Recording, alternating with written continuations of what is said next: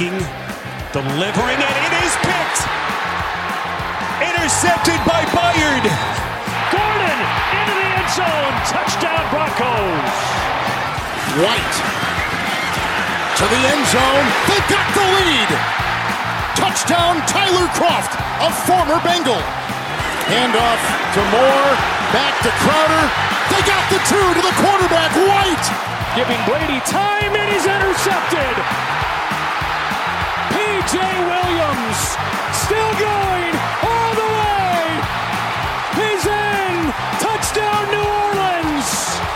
Allen on the move, trying to keep it himself. Allen cuts up and in. Touchdown. High snap again. End zone and picked off. Intercepted by Rasul Douglas. And the Packers are going to win it. Fake one way of Fields stumbling, trying to cut it back.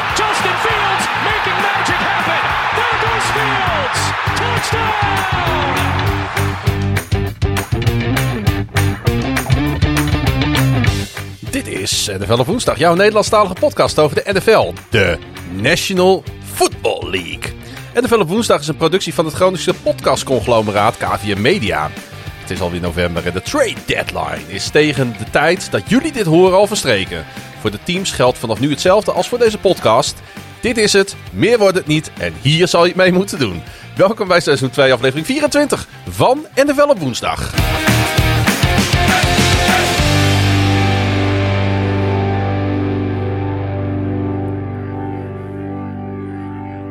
Het is wel handig dat je een microfoon voor je mond eh, doet. Hallo, ik ben is nerveus hoor.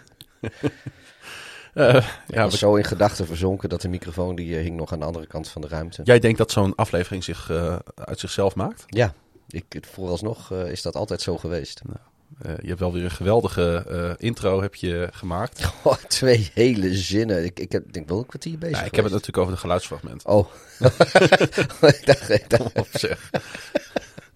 oh ja, dat was ik weer Om vergeten. je nou hier nou al complimenten voor te geven, dan kunnen we wel Ja, dat dacht blijven. ik ook. Ik denk van nou, wat is dit? Is het Nationale Complimentendag of zo? Absoluut niet. Eh, ja, nee, eh, mooi zo. Hey, we komen net uit de kroeg. Ja, dat, eh, de ideale plek om voor te bereiden. Er werd ook geschaakt trouwens. Ja, Wij zijn helaas niet geschaakt. Het was druk hè, in proeflokaal Hooghout, Zuiderdiep Zuiderdiep 61. 61 in het mooie Groningse stadje Groningen. Zaten meer dan 30.000 of 30.000, 30 man in de kroeg. oh jee, jullie horen het alweer. Ehm, het is ondertussen middernacht en eh, we moeten de podcast nog opnemen. En, eh, ehm, nou ja, Niemand zei dat het leuk zou worden. nee, en niemand zei ook dat het makkelijk zou worden. En laten we het gewoon, maar gewoon eerlijk zeggen. eh, het, is, het is wel weer veel. We gaan natuurlijk naar Amerika toe. En dat betekent voor mij in ieder geval dat ik ook nog heel veel moet afronden voordat ik naar Amerika ga. Dus het, het is echt een gekkenhuis voor, de voor laatste werk weken. en zo ook, joh. Het is, het is, eh, we kwamen er eigenlijk een soort gisteren een beetje, tot, kwamen we tot, de- tot, eh, tot de ja, realisatie dat we over 2,5 weken gewoon lekker in Chicago zitten te koekeloeren. Ja, Dat, eh maar dat houdt nogal wat in. Want dat, 2,5 week over 15 dagen of zo. 16, 16, da 16 dagen. nee, we vliegen op de 19e. Op vrijdag. Oh, nou en. Dat is zes, ook En op de van- 18e gaan we al naar Schiphol. Want Ja, wij nou ja, wonen, goed, wij heel ja, maar dan ver van de. Randstad. Dus wij moeten een dag van tevoren moeten we naar het verre vast, eh, Schiphol. Och, och, och, gudde, gudde, gudde. Wat is het ver. Tiet nog een oude trekschuit. ik hoop dat paard nog leeft tegen die tijd. De trekschuit eh Stavoren Enkhuizen. Ja. Goed, ehm, hoe dan ook. eh, we hebben de wedstrijden hebben we allemaal voor jullie bekeken en hebben we voorbereid. Maar voor de rest eh, is er niet veel van gekomen. Als we dat ook nog zouden doen, ja, dan zouden we gewoon eh, ook niet meer aan slapen toekomen. Dus we hebben ervoor gekozen om toch een beetje in te korten. En jullie moeten het maar mee doen, aangezien eh, er volgens mij dit week, deze week ook geen alternatief is op NFL. Nederlandstalige- NFL-podcast zijn wij volgens mij hebben deze week het monopolie. Ja, want onze vrienden van Sport Amerika die konden het helemaal niet voor elkaar krijgen om op te nemen. Nee, Nou, wij wel. Alleen we hebben eh, wat, wat sumier voorbereid. ja, het, het, het, het was... eh, het, het viel even lastig in de planning. We zitten natuurlijk, eh, we hebben het vaak gezegd, allebei fulltime baan. Ja. En we doen dit, uh, hobbyen, hobbyen dit er een beetje tussendoor voor jullie. En ook voor onszelf, hoor, laten we eerlijk zijn.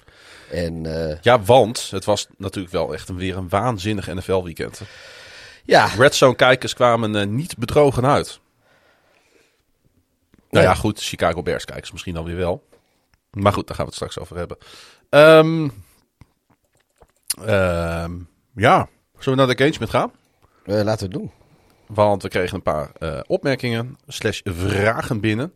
Te beginnen met die van Peter Goudkamp. Hij vraagt op Twitter: Wie vinden jullie van de vier rookies die starten de beste quarterback? Is het Zach, Mac, Trevor of Justin? Uh, ik denk als ik ze nu van één ja? beste is nummer één naar vier, wat dan de minst goede zou zijn.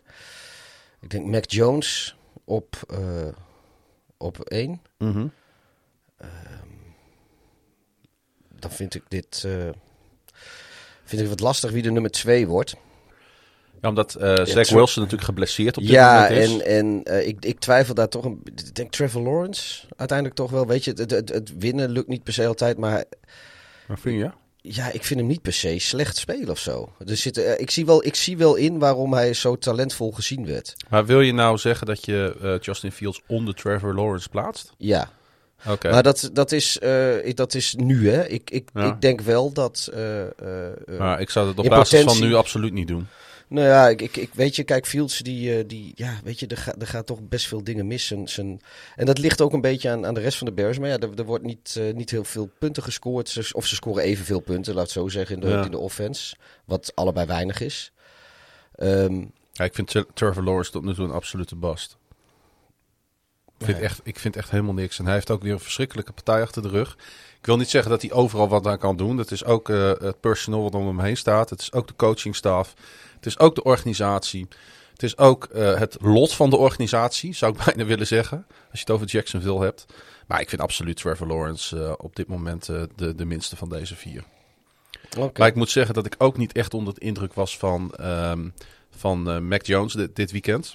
Ondanks dat de Patriots wonnen, Nee, maar Mac kijk, Jones het- het zijn- ook niet het- een hele goede wedstrijd spelen. het, zijn, het zijn rookies, hè. Ze kunnen niet eh, ieder weekend, ze, ze zijn niet ieder weekend... eh, Nee, dat vraag ik ook niet Nee, nee, nee, maar ik bedoel dus, dus kijk, ik vind dat Mac Jones die heeft wel eh, laten zien de afgelopen acht weken eigenlijk waarom hij, waarom New England hem graag wilde hebben. En eh, ik vind wel dat hij er van de rookies het best uitziet. Absoluut, vind ik ook hoor. Eh Zach Wilson, ik weet het niet. Ik, ik denk dat hij eigenlijk van de, deze vier het minst gepolijst is. Ik denk ook het minst ervaren is. Eh, en ja, dat zie je ook wel een beetje. Hij zit natuurlijk ook niet in de ideale situatie. Dus ik weet niet, ik weet niet of het zijn eigen schuld is of dat er aan hem ligt. Dat ik hem, want die zet ik dan als vierde. Hoe zou hij naar, naar zijn collega White gekeken hebben dit weekend? Dat is best wel pittig, denk ik, om daar eh, om, om, om te kijken naar een collega die voor jou moet invallen, die nog nooit Ja. een NFL-snap gespeeld heeft. En die speelt gewoon de beste wedstrijd van eh onder quarterbacks van de Jets in de laatste 20 jaar. Ja, het, dat, dat, Dat moet wel even binnenkomen. We, we, zien, eh, we zien wel vaker natuurlijk dat, ja, dat, dat van, die, van die hele onbekende quarterbacks die er in één keer ingeworpen worden. Vaak is het, is het niks hoor, maar af en toe dan, dan ziet dat er heel spectaculair uit. Ja. Eh, er is geen tape van. Eh, mensen weten niet wat ze kunnen verwachten. Maar in een team als de Jets. Ja, ik, het, het, het was heel bijzonder. Ik, ik, Tegen een, maar wel tegen een defense ja, die het, hele ook- jaar al niet- heeft laten zien Het dat was niet tegen zomaar een, een team of zo. Nee. Ik vond het wel mooi. Hij zei na de wedstrijd, ehm, zei die, eh, deze Mike White, ik heb de hele week eh, gekeken naar de tapes van de verdediging van de Bengals. Want hij kon het natuurlijk wel. En we hadden het idee dat er op diverse plekken completions lagen. En die heb ik ook allemaal gepakt. Dus hij heeft zich wel echt goed voorbereid op deze wedstrijd. eh, als ik hem in ieder geval mag geloven. Ja, Ehm, door naar de volgende. Carl Verheijden wil weten, niet te verwarren met de schaatser. Carl Verheijden wil weten, wie vinden die jullie... kende jij goed hè, die schaats. ik had geen idee. Eh, wie van jullie... Sorry, ik ben trouwens nog steeds een beetje verkouden. een beetje heel erg zelfs. Wie vinden jullie het beste team in de NFC en waarom zijn het de Packers? Ja, ik zag dat, eh dat Geert-Jan deze tweet alweer gerapporteerd, wilde, eh, gerapporteerd had. Terecht. Ehm, ik weet het niet. Ik, nee, Gerapporteerd ook. Ik denk dat... eh eh, Of hij is ondertussen geblokkeerd op Twitter. ja, niet door mij hoor. Ehm, ik, ik begreep alleen de vraag niet zo goed. Want ik. ik ja, nee, nee de, de, de, de Packers zijn, eh, eh, zijn natuurlijk hartstikke goed bezig. En die hebben net de 7-0 eh, Cardinals verslagen. Maar ergens heb ik nog wel, eh, ondanks dat ze, dat ze eh, niet, niet altijd even sterk voor de dag komen. Maar ik, ik heb nog steeds de, de Rams als, als, en de Buccaneers boven de Packers staan in de, in de NFC. Ja. En van de Rams is het meer een gevoelskwestie. De Buccaneers kan ik ook cijfermatig. Is dat gewoon heel makkelijk te onderbouwen.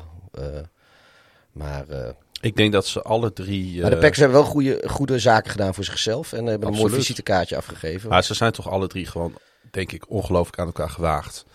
De Rams, de Buccaneers, de Packers spelen op dit moment op een, op een ongekend niveau, vind ik.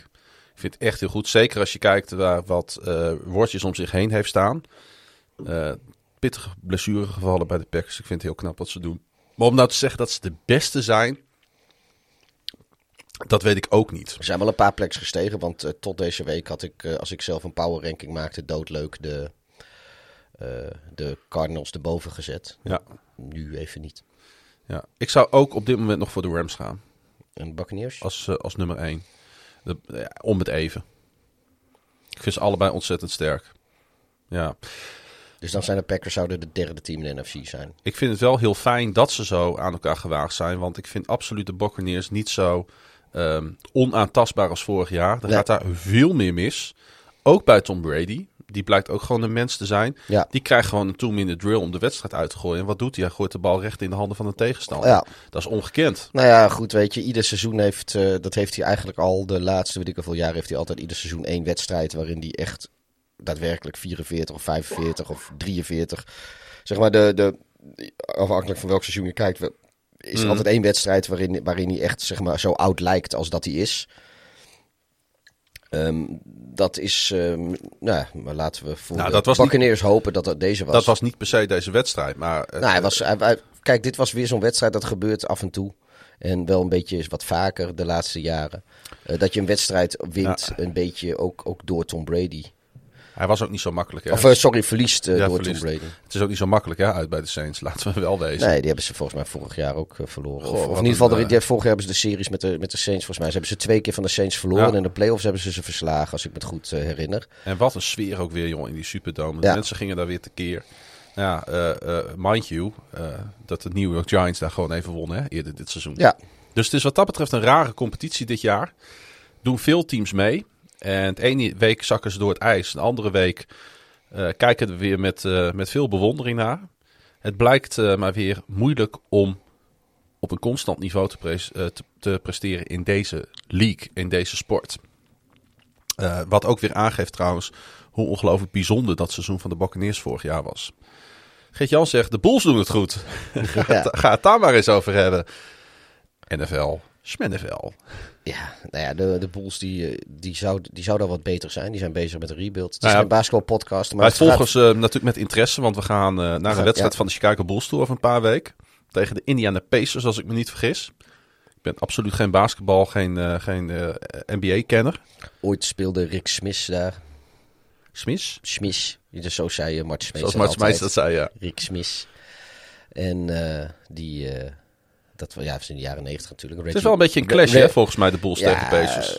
In die tijd wel, weet je. had ook Reggie Miller. Nou, die Ja. had het ooit eens... eh, dat is wel een- op zich een legendarisch verhaal. Dat ooit in zijn hoofd gehaald om... eh, om een grote mond te hebben tegen Michael Jordan. Ja. Nou dat, eh, nam, dat trok Michael Jordan zich aan. En eh, zoals heel veel spelers in die tijd eh, de fout wel eens hebben gemaakt om, eh, om iets te zeggen tegen of over Michael Jordan wat hem niet aanstond. En de eerstvolgende keer dat ze dan tegen elkaar speelden, dan, eh, ja, dan kreeg je te pakken. Ik, hoe dat nu zit, ja, weet je, volgens mij de, de Pacers en de, en de Bulls, ja, ik, ik, het, het, het is volgens mij geen aardsrivalen verder of zo. eh, maar ja, het, het ligt wel relatief dicht bij elkaar Ja. natuurlijk. En eh, eh, in de, Indiana is wel een echte basketbalstaat, maar volgens mij zijn ze toch stiekem een beetje nog meer voor college dan, dan, de, dan NBA. Ik hoop in ieder geval op een volgepakt United Center. Ik denk wel dat het drukker, drukker gaat zijn dan de laatste keer dat we er waren. Want de Bulls zijn veel leuker om te zien of, of ze nou winnen of verliezen. Ja, toen was het echt half leeg hè, tegen, de, Ja. tegen de Heat. Miami Heat was dat toen, ja. Maar vannacht ook, joh. Er staan die Bulls, die staan op een gegeven moment staan ze 19 punten achter. vlak voor het eind. En uiteindelijk winnen ze nog met double digits eh, in Boston, In Boston, Van, van de ja. Celtics. Dat was wel even een eh hu- huzaren stukje. Dus in die zin, eh, we hebben het erover gehad, eh Geert-Jan. Alsjeblieft. Nieuws. En ehm, we kunnen er niet omheen. Er kwam een ja, echt wel even triest bericht binnen. waarvan wij gewoon baalden. Hè? Ja, Ik denk ja, dat- ja Wordt een beetje pissig, een beetje boos, een beetje verdrietig worden we ervan. op, op, alle, op alle vlakken. Ja, want eh, Las Vegas Raiders wide receiver Henry Rux, nog maar 22 jaar jong, is eerder vandaag, en eh, met vandaag bedoel ik woensdag, nee dinsdag, excuses, eh, betrokken geweest bij een dodelijk ongeluk. Volgens de Las Vegas Metropolitan Police Department is hij met een Chevrolet Corvette achterop een Toyota RAV4 Ja, zo- geknald. Ja, RAV4, RAV4, RAV4, ik weet niet precies RAV4 hoe dat inderdaad. Waarbij de bestuurder van de Toyota ehm, helaas om het leven is gekomen. Rux die werd aangetroffen op de plaats delict en was zichtbaar onder invloed. Hij is eh, opgenomen in het ziekenhuis met lichte verwonding en hem is eh, ja, driving under influence, dus eh, eh, rijden onder invloed eh, met helaas de dood bij een ander tot gevolg ten laste gelegd. En dat is, dat is heftig en dit is einde carrière. Ja, dat als, als, de feiten, als, de, als de feiten inderdaad zo zijn zoals ze nu lijken. Want dit, deze informatie komt uit een persbericht van, van de Las Vegas Metropolitan Police Department. En ehm, ja, weet je, kijk, het is zo stom, want het is gewoon absoluut. Je bent, je bent een absolute halve hersendode als je met drank op in de auto stapt. Aan de andere kant, kijk, het is natuurlijk ook zo als je veel drank op hebt, dat de sta je erom bekend dat, dat je, je je beoordelingsvermogen niet meer helemaal is zoals dat moet zijn. Maar dan nog, je moet gewoon niet met drank op in de auto stappen. En, maar aan de andere kant, ja, nou, la- laten we eerst even zeggen die, die, die, dat, dit- dat de persoon die om het leven gekomen is, voor, voor die persoon en, en de nabestaanden van die persoon is natuurlijk het allerergst. Laten we dat voorop Ja. stellen. Maar ja, weet je, dat er weer zo'n jochie van 22 jaar in principe zijn hele leven vergooit, dat, dat vind ik ergens ook wel triest, weet je. Ja, dat is allebei triest En, en we, het is ook nog eens zo, het, het, het, het, het is echt zo, zo, zo dom.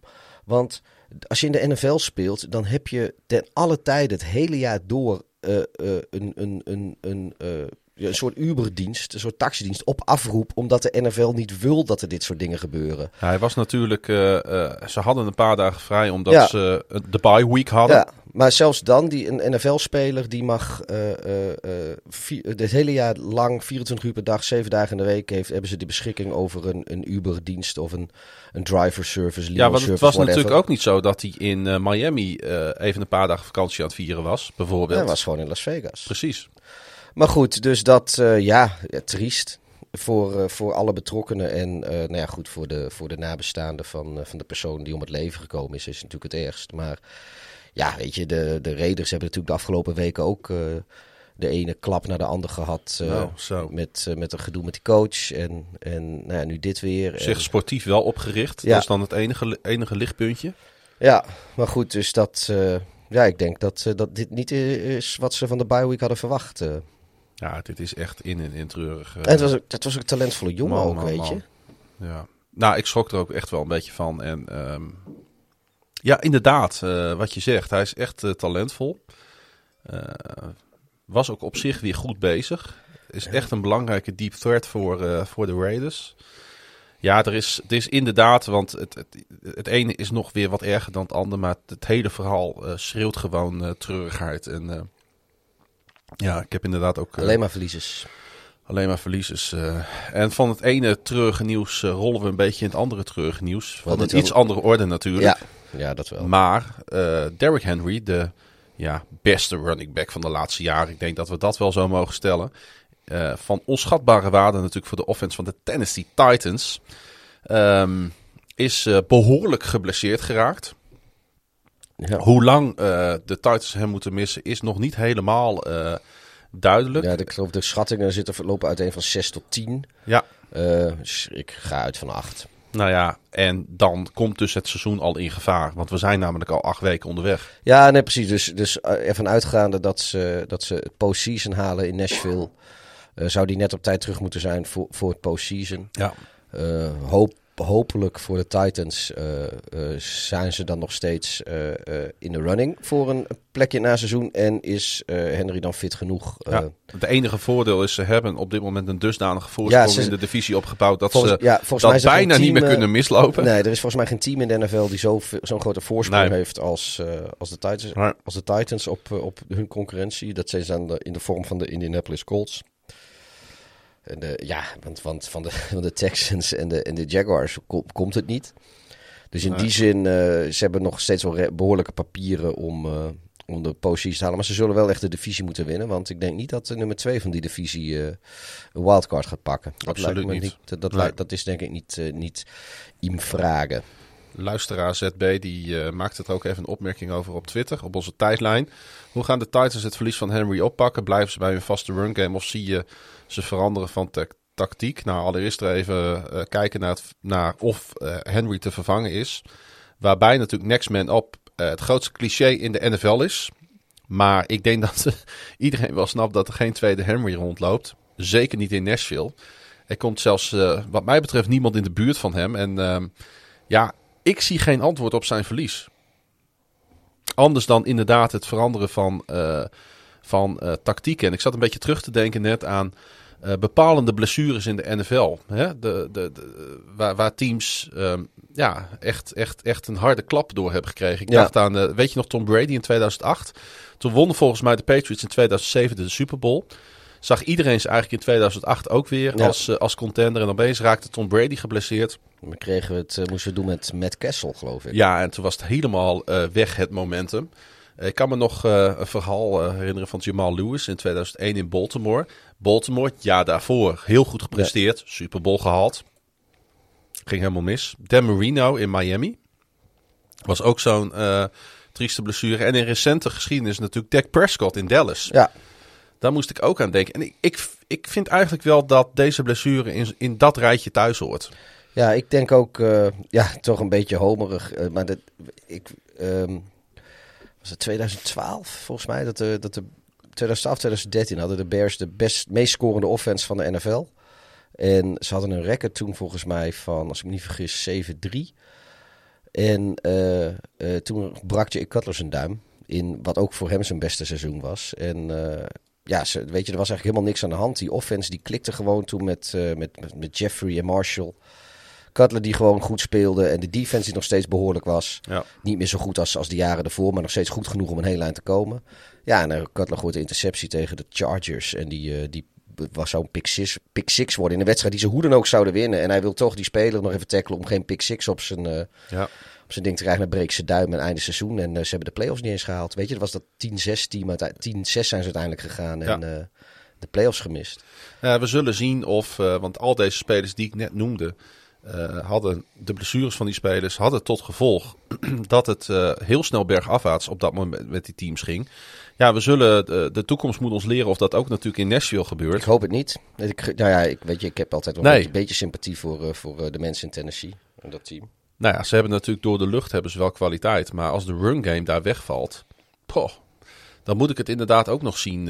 En zeker met de wedstrijden waarvan ik zag dat ze die nog op het schema hebben staan de komende tijd. Want die zijn niet makkelijk.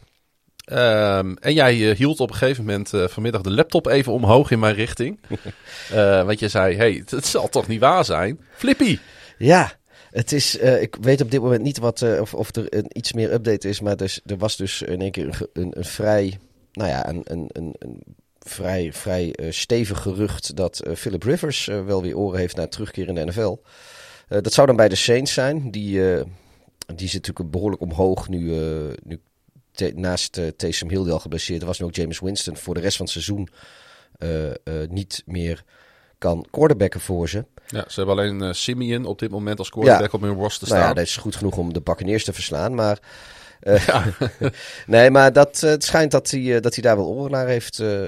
wat, of, of het, of het er iets van terecht komt, weten we allemaal nog niet. Maar het was wel opvallend genoeg om even inderdaad... Zou je een speler die, die nou ja, gewend is al sinds afgelopen januari aan retirement... zomaar even in kunnen passen in een team als de Saints?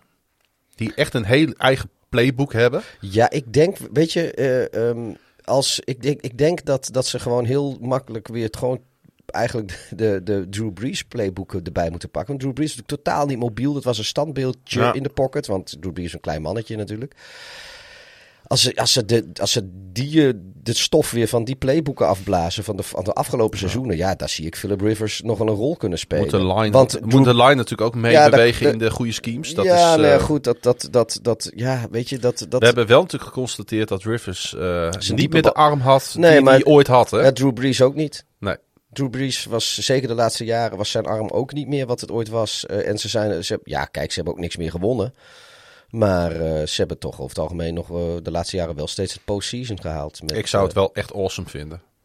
ja, ik, ik, ja, weet je, dit zijn van die, dan hoop je ook gewoon dat, dat daar nog iets, weet je, dat ze op de een of andere manier nog die divisie gaan winnen of zo. dit zijn toch, Cinderella dat- Ja, Weet je, ik hou er wel van. Maar, of dit zijn, toch een story. beetje, dit zijn toch een beetje de helden uit onze era. Ja, Hè, Philip Rivers is voor mij een van die grote spelers uit de jaren 2000, 2020. Het zou toch allemaal, ja, weet je, die kans is niet zo groot, maar het zou toch absoluut mooi zijn als hij dus nu in één keer toch terugkomt bij de Saints en op de een of andere manier zichzelf de Super Bowl in, eh, in, in, in, in struikelt. En als het nog een keer die prijs pakt, terwijl hij eigenlijk op met pensioen was. Een beetje zoals Denemarken op dat EK van 92. Die, eh, die jongens zijn toch van het strand geroepen om, Ja, omdat Joegoslavië in één keer in, in oorlog was en niet mee kon doen. En, en, en aan, aan het eind van, de, van het toernooi stonden ze dan natuurlijk met, met de cup. Dus ja, dat, eh, zo'n soort verhaal eh, zou dat kunnen worden. Wie Ja. weet. ja, dat doet me een beetje denken aan, eh, aan Smith bij de Washington voetbalteam. eh, die terugkeerde van die heftige blessure van de, Oh ja, ja Alex Smith. Waarvan ja. we allemaal hoopten van, oh wat zou het mooi zijn als hij nu ook nog wat presteert. Nou, hij gooide geen bal meer de goede richting op ongeveer. Ja. Maar het feit dat hij nog op een voetbalveld stond, dat zijn allemaal Ja, inderdaad de ja, Cinderella precies. stories die, die de NFL ook hartstikke mooi maken. Beetje zo, ja, het kan natuurlijk ook een beetje zijn zoals Robben bij Groningen. Ja, Dat het eh, één wedstrijdje nog leuk is en, eh, en verder is het eh, ja, voornamelijk goede intenties. Maar dat is ook komt er niet zo heel veel van terecht. Hey, ehm, de Rams, die maakten bekend dat wide receiver Deshaun Jackson niet meer gewaardeerd wordt. Want daar komt het eigenlijk op neer. Ja, het- het- die, die, heeft, die heeft ook wat jaren al meegelopen. Want dat is over, over spelers uit onze tijd gesproken, zeg maar. Deze man, die, wanneer heeft hij zijn debuut gemaakt? 2008, 2009? Ja, ik denk ook zoiets. zoiets. We hebben het natuurlijk over de voormalige Eagle. Ja, Eh, daar heeft hij eh, grootste dingen laten zien. Maar eigenlijk was hij dit jaar ook bij Vlagen nog wel eh, aardig, aardig bezig. Hij heeft zeven wedstrijden gespeeld, maar de, de, de, de Rams hebben natuurlijk kunnen komen. hij heeft ook een touchdown gemaakt. Want we hebben zo'n weekend gehad. Ja, nee, een paar van die, van, die, eh, Zeker. van die oude spelers, die hadden in één keer een... Jimmy Graham had volgens mij, die kon wel eens eentje namens de Bears hebben gehad. En dan had de Sean Jackson had er eentje namens de Rams. En zo, zoiets was er. Ja, Tom Brady natuurlijk vast ook wel weer een keer of zo. Ja, Zo- een, eh, week twee of week drie of zo was dat, weet ik veel. Hij had een tijd. eh, 75 yard touchdown catch eh, tegen de Buccaneers in eh, september. Oké, ja. Klopt inderdaad. Maar goed, hij, eh, hij is eh ja, gewaved, noemen ze dat. En dat moest natuurlijk ook omdat ze wat, eh, wat veranderingen hebben, eh, hebben eh, doorgevoerd bij de Rams. Ja, ze moesten denk ik wat Ze moesten- salarisruimte vrijmaken. Precies, precies. Voor ene, voor ene Ja. van Miller. Hij heeft toch eh, nog even 221 yards gepakt eh, in, die, in die wedstrijden. 15 Ja. ballen. Waarvan een Wil kwart, nogal- eh, wil waarvan nogal- een kwart bij Ja, één precies. touchdown. dat wil nogal snel natuurlijk. Dus, eh, en hij heeft volgens mij, eh, want de trade deadline is ondertussen eh, verlopen. Volgens mij heeft hij geen nieuw plekje gevonden. Dus het Nee. zou zomaar eens Maar als hij nu zijn allerlaatste touchdown kunnen zijn geweest. Ja, maar volgens mij kan hij nu wel... kan, kan hij voor, volgens, ja, hij is gewaved, dus volgens mij kan hij gewoon bij een ander team aan de bak. Hij is nu werkloos. Alleen zal- ze kunnen hem niet meer treden. Ja, Maar mm, als, als hij nu echt, echt werkeloos is, dan, dan kan hij volgens Maar goed, dat weet ik ook niet. Ik, denk, ik, weet, ik weet ook niet of een team dat, dat gaat doen. ik weet niet of dat nog kan, want eh, ehm, hij, hoe- hij kan niet meer van een waiver worden afgehaald. Hè, want hij speelt niet meer voor een team. Ja, maar volgens mij is hij nu gewoon eh, free agent. Ja, ik vraag hem af. Maar goed, dat... eh, Maakt ook niet uit. Over, ehm, over mooie trades gesproken. Er en is, over weer, mensen uit onze tijd. er is weer elite materiaal in New York opgedoken. Want eh, de Jets hadden natuurlijk een groot probleem op quarterback. Oh, En opeens, opeens hebben ze dat niet meer. Want ze hebben één, hopen ze hun toekomstig franchise quarterback binnen de gelederen. met Joe Flacco. Ze hebben, ze, ze hebben een, eh, een, eh, een backup die nou, een grandioze wedstrijd achter de rug één, heeft. één hele goede wedstrijd kan spelen. En nu hebben ze eindelijk voor deze twee jongens, en met name natuurlijk voor Wilson, hebben ze een, eh, een mentor erachter staan. En ik denk dat dat ook wel een beetje ontbrak in New York. Ja, En ze hebben ook de keuze nog eens gemaakt om de persoonlijke coach van, ehm, van Wilson in te, eh, in te vliegen bij het team. Dus zijn persoonlijke quarterback coach die hij had, is nu ook quarterback coach bij de Jets geworden. Dus ja, ze zijn er wel alles aan, aan het doen daar om, eh, ja, om, om, om ervoor te zorgen dat, eh, dat het beter gaat. Nog even los natuurlijk van die wedstrijd van afgelopen weekend. ja. En er was nog een opvallend nieuwtje. En dan eh, gaan we er ook mee ophouden. Met het nieuws dan.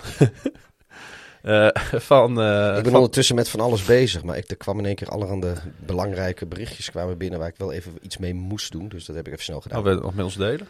Nou ja, nee, het is, eh, het is eh, werkgerelateerd. Oh, dat is niet zo interessant natuurlijk. Niet voor de luisteraars. Ehm, er kwam Wel op- voor mijn broodjes. opvallend nieuws uit eh, Cleveland binnen. Malik Harrison, de linebacker van de Baltimore Ravens, werd eh, namelijk geraakt door een eh, verdwaalde kogel. Ja, die, eh, die had al een paar kruispunten had hij al de weg gevraagd. Maar eh, ze, ze wees hem steeds de verkeerde kant op. En Ja. uiteindelijk kwam hij terecht in de kuit van, eh, van Malik Harrison. Wat er precies gebeurd is, ik weet het niet. Ik heb eh, daar nog geen eh, updates over gelezen. Maar het is natuurlijk wel heel apart dat je eh, moet bellen naar je club van... ja, ik ga niet spelen volgende week, want ik ben neergeschoten. Er zit een kogel in mijn ja, dat, wat, dat is precies wat er gebeurd is. Ehm, maar eh, ja, hij, is- hij is voorlopig even, even aan de kant gezet door de Ravens. Zo Ja. van, ga jij eens maar even nadenken hoe jij en waar jij rondloopt met jouw kuit. Ja, nou ja, goed, kijk, het, het, kan, het hoeft natuurlijk helemaal totaal zijn schuld niet te zijn. Nee, dat kan, dat zeg ik ook. Ik, daarom Maar, daarom ja. heb, trek ik ook geen conclusies. Maar het is Maar wel een heel is- apart verhaal. Maar spelen, dat zal hij voorlopig sowieso niet doen. Nee. eh. Nee. Hey, eh, we, hadden het, eh, we hebben het al een paar keer genoemd. De trade deadline is verstreken. En jij hebt voor onze zeer gewaardeerde luisteraars de belangrijkste op een rijtje gezet. Ja, en dan beginnen we bij de Van Bevijan. Be- Bevijan? Bevijan? Miller Jr. Ja, we, kennen, we kennen hem allemaal als Van Miller. we hebben even opgezocht hoe die echt heet. Ja. Eh, voluit. Ja, ik dacht namelijk dat Van misschien wel een afkorting was en dat het anders heette. Of dat, dat hij zijn hele achternaam, dat hij iets van Henky Van Miller heette. Maar dat was allemaal niet zo. Hey, Von is gewoon zijn voornaam. Ja, maar hij schijnt dus een tweede naam te hebben. Dat is eh, B apostrof V S E A N. Dus Sean Bevejan. Of Van Bevejan. maar anyway, eh, die, die gaat van, van, de, van Denver naar de Rams voor, eh, voor een tweede en een derde ronde pick in 2022. Ehm, ja, Classic eh, Rams move, hè? ja, gewoon een gearriveerde speler halen voor wat draft picks. Want, eh, want waarom de fuck zou je, zou je gaan draften als je gewoon spelers kan halen? Ja. En eh, nou ja, goed, dan doe je Deshaun Jackson doe je weg. Dan heb je net weer genoeg ruimte op je salary cap blijkbaar om, om, om Van Miller binnen te halen. En nu, Van Miller is al 32. Maar er zit nog steeds wel wat, eh, wat in die tank van hem. Ik dacht dat hij eh, afgelopen weekend zelfs licht geblesseerd raakte tijdens de wedstrijd. Oh, dat zou maar zo kunnen. of de wedstrijd Ieder- daarvoor, wat speelde die eigenlijk nog wel? Weet ik Iedereen, iedereen raakt geblesseerd in de NFL. Ja, dat, oh, ja, dat, Nee, ik, dat, dat weet ik niet. Maar ja, hij komt nu natuurlijk op een lijn te staan met, eh, met Aaron Donald bijvoorbeeld. En hij was zelf, is, volgens mij zijn hij en Donald zijn de twee best beoordeelde pass rushers eh, in de league sinds 2011. Dus van de afgelopen tien jaar. En die staan nu allebei eh, op dezelfde defensive line. En eh, nou, ik ben blij dat, dat de Bears al tegen de Rams gespeeld hebben dit seizoen. Dat ze, dat ze hier niet tegenaan hoeven lopen te fietsen. Want ja. dat, dat, dat, dat was vast drama geweest. Maar, Ze hebben, hij is trouwens inderdaad al questionable voor de volgende wedstrijd, Ja. Von Miller. nou, maar goed, het is. weet je, ik weet niet wat, wat is de volgende wedstrijd van de Rams. Maar eh, hij zal dit seizoen heus aan spelen toekomen. En het is ook weer zo. Kijk, hij was natuurlijk de grote man op de lijn bij de Broncos. Dan kreeg hij alle double teams en alle aandacht. En eh, dat is hij nu niet meer per se. Want ja, als je Sean. Of Sean, ik zeg nu steeds Sean. Als je Von Miller gaat, eh, gaat double teamen, laat je Aaron Donald vrij. Ja. Dus ja, weet je, en als- Ja, dan, ga je Donald, eh, moet, die moet je eigenlijk wel double teamen. Ja, en wat doe je dan met Miller? Weet je, het is. ja, en wat doe je? En dan staat die, die Floyd er ook nog. Ik Eh, wou net zeggen, dan heb je Leonard, maar dan heb je ook nog op je inside linebacker eh, posities heb je Ernest Jones en Troy Reader staan. ja, Het is echt een eh, waanzinnige line, hè? nee, precies. En, en nou ja, goed. eh, ja, veel succes. tegen, weet je, dat, dat, en daar doen ze dat natuurlijk voor. Ja. Ja, Dus ik, ja. ik zit zo een beetje naar dat team te kijken. Dat wordt alleen maar beter. Dat is bijna Ze, niet ze moeten ook wel. Kijk, zij, ze weten ook dat ze in een divisie zitten met, met, met Cardinals bijvoorbeeld. Waar ze volgens mij nog, daar moeten ze nog een keer tegen. Mhm. En eh, nou, dus ze zullen wel heel graag willen zien dat. eh, En we moeten ook niet doen alsof je zomaar wint van de 49ers en de Seahawks in zo'n divisie natuurlijk. Hè? Nee, ik, dacht, ik had gedacht dat de 49ers dat dat misschien eh, wel te winnen zou zijn. Maar dat bleek ook gewoon allerminst waar. Onderschatting ligt altijd op de loer, eh, Pieter. Hey, de Chiefs die, hadden een wat meer bijzondere trade. Waar wij toch allebei de wenkbrauwen even fronsten. Hè? Ja, Lauren Duvernay. Dat is een, een guard. Ja. Dat heb ik niet in het script gezet trouwens, maar dat is wel zo. Ehm, die, is, eh, die hebben ze getraind naar de New York Jets. En daarvoor terug hebben ze gekregen uh, tight end Dan Daniel Brown. Ehm, ja, hij is, soms noemt, staat er Dan Brown, soms staat er Daniel Brown. Anyway, eh, Duvernay die speelde dit jaar eigenlijk al niet zo heel veel op de, op de line van op de O-line van de. Chiefs. Ik heb ook begrepen dat het vooral een belangrijke special teams speler was. Ja. Hij heeft... eh, nou, volgens mij was hij wel, stond hij wel redelijk vaak eh, tot, tot en met 2019, zeg maar. Ja. was, hij, was hij wel gewoon belangrijk. Maar ja, goed, hij heeft 2020 vanwege COVID heeft hij opt-out gedaan. Het hele seizoen heeft hij niet gespeeld. Vervolgens heeft, is hij dit seizoen ook niet veel in actie gekomen. Ehm, ja, weet je, de, de, de, volgens mij liep zijn contract ook af aan het eind van dit seizoen. Dus de Chiefs zijn blij dat ze er nu nog iets voor krijgen. Aan, in plaats van dat hij straks aan het einde van het seizoen gewoon gratis de deur uitwandelt. ja. En, eh, en, en de Jets die hebben een beetje extra bescherming voor Wilson of White, eh, wie er ook maar staat. eh, dat kunnen ze ook wel gebruiken.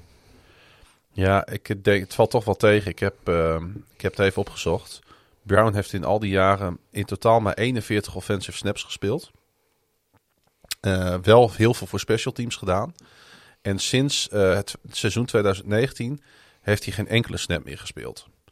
Dus het begint al wat meer eh sens eh, Ja, nee, dat klopt. te maken. Zo, om het zo maar te zeggen. Ik denk dat het eh, vooral voor de Jets trouwens gewoon een hele goede trade is. en voor de Chiefs misschien wat minder. Want Nou ja, die hebben een speler die ze niet gebruikt hebben. Ja. Ze en die, die weg zou lopen, hebben ze nu een speler voor die ze misschien wel gaan gebruiken. ja, goed. Hey, next. Melvin Ingram, De Die, linebacker neem ik aan. de linebacker Melvin Ingram, Mhm. die gaat van de Steelers.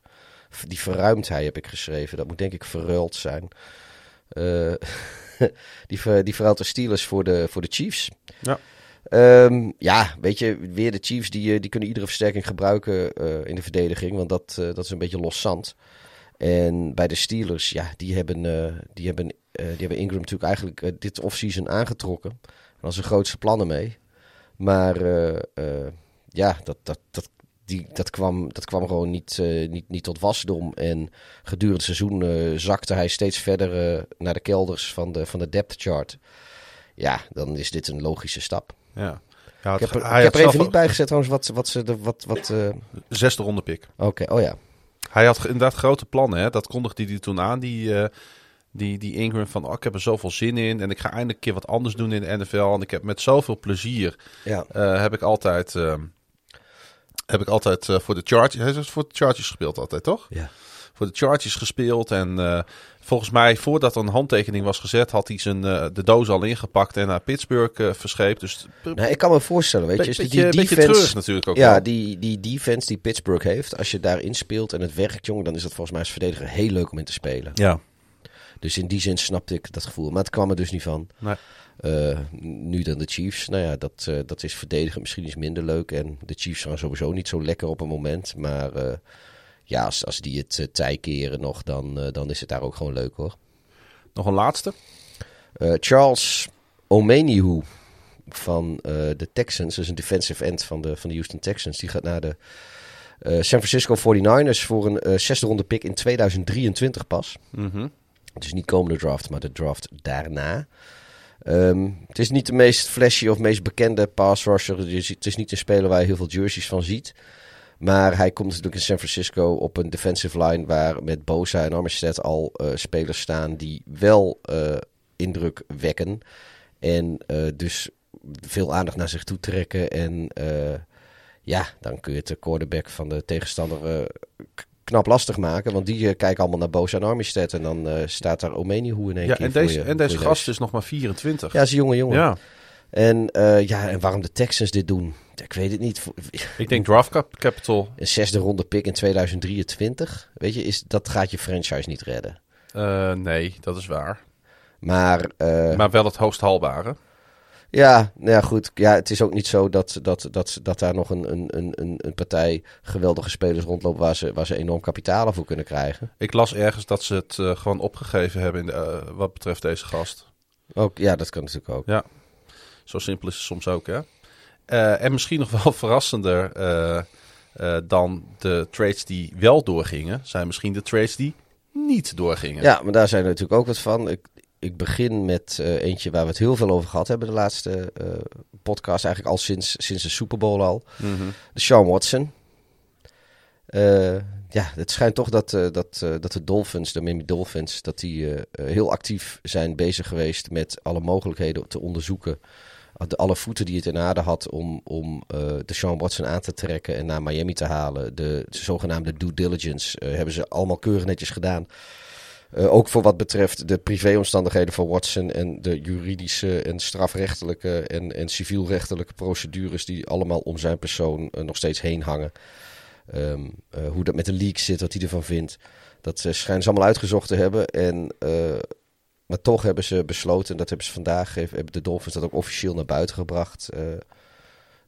af te zien van een trade. Dus dat, dat is het op eigenlijk dus niet doorgegaan. Wat ik eigenlijk interessanter vind dan dat het wel of niet is doorgegaan, is dat, dus, dat dit dus betekent. Dat het wel degelijk speelde in Miami. Ja. Dat die geruchten ergens op gebaseerd waren. En dat toen ze vorige week zeiden dat er geen sprake van was, dat dat ook niet per se de hele waarheid was. Nee, zeker niet. En dat dat dus ook betekent in het verlengde hiervan, dat ze dan waren doorgeschakeld na de Sean Watson.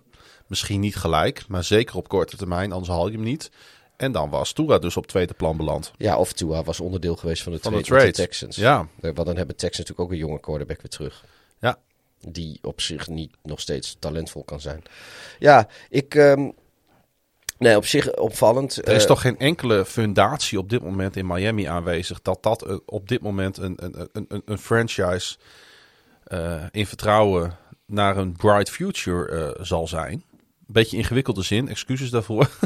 maar je begrijpt wat ik bedoel, ja, denk maar ik. was, was dat met de Cardinals ook niet zo? Die hadden een eerste ronde pick en die hebben ze meteen een jaar later weggetiefd om opnieuw en toen Kyler Murray eh, in de eerste ronde te kiezen. Hebben twee jaar op rij eh, hebben, ze, hebben ze een quarterback genomen. Ja, en die ontwikkelt zich wel. Ja, die, en die andere, die is, die is nog wel ergens in de NFL, maar ik weet niet meer zo goed waar en waarom.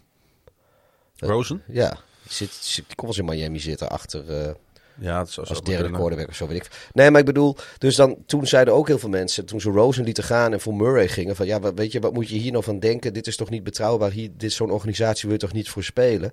Nou, we zijn een paar jaar verder en eh, ze hebben eh, in week 8 van het seizoen net hun eerste nederlaag geleden. Ja. Dus het kan verkeren. Hij is trouwens backup in Atlanta. Oh ja, Atlanta. En het was ergens in de Dirty South. eh, Ja, tuurlijk, stad.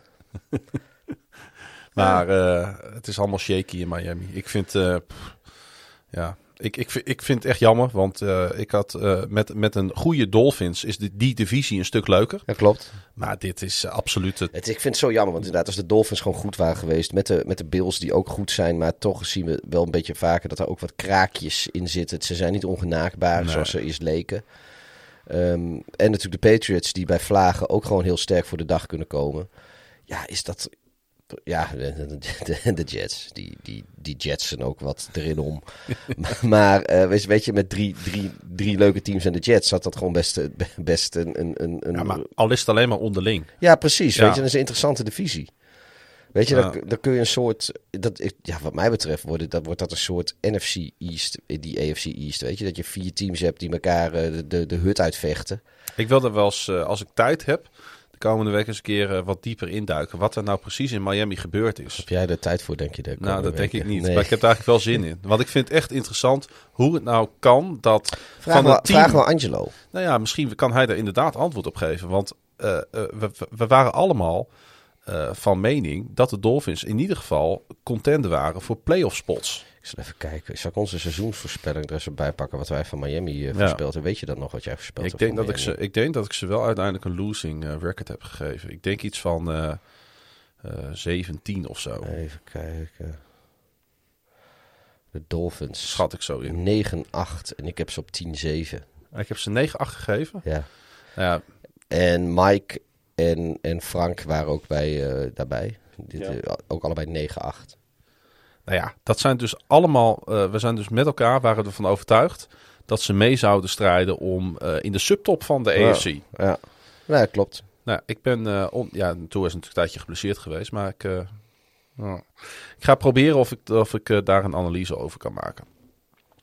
Ehm, en misschien alleen maar voor mezelf hoor. Ga ik gewoon in dit podcast er helemaal niks over zeggen. Nee, dat vertelt hij alleen aan mij. Of we zetten het achter de betaalmuur. Oh ja, dat is een goede. Extra content. Extra content. NFL op woensdag.nl mensen om lid te worden van Ja, onze neem je- petje.af. Neem je petje voor ons af. Kan, Jouw, al, kan eh, al voor een knaak in de maand. Jouw voormalige held, eh, Pieter, was ook even het nieuws.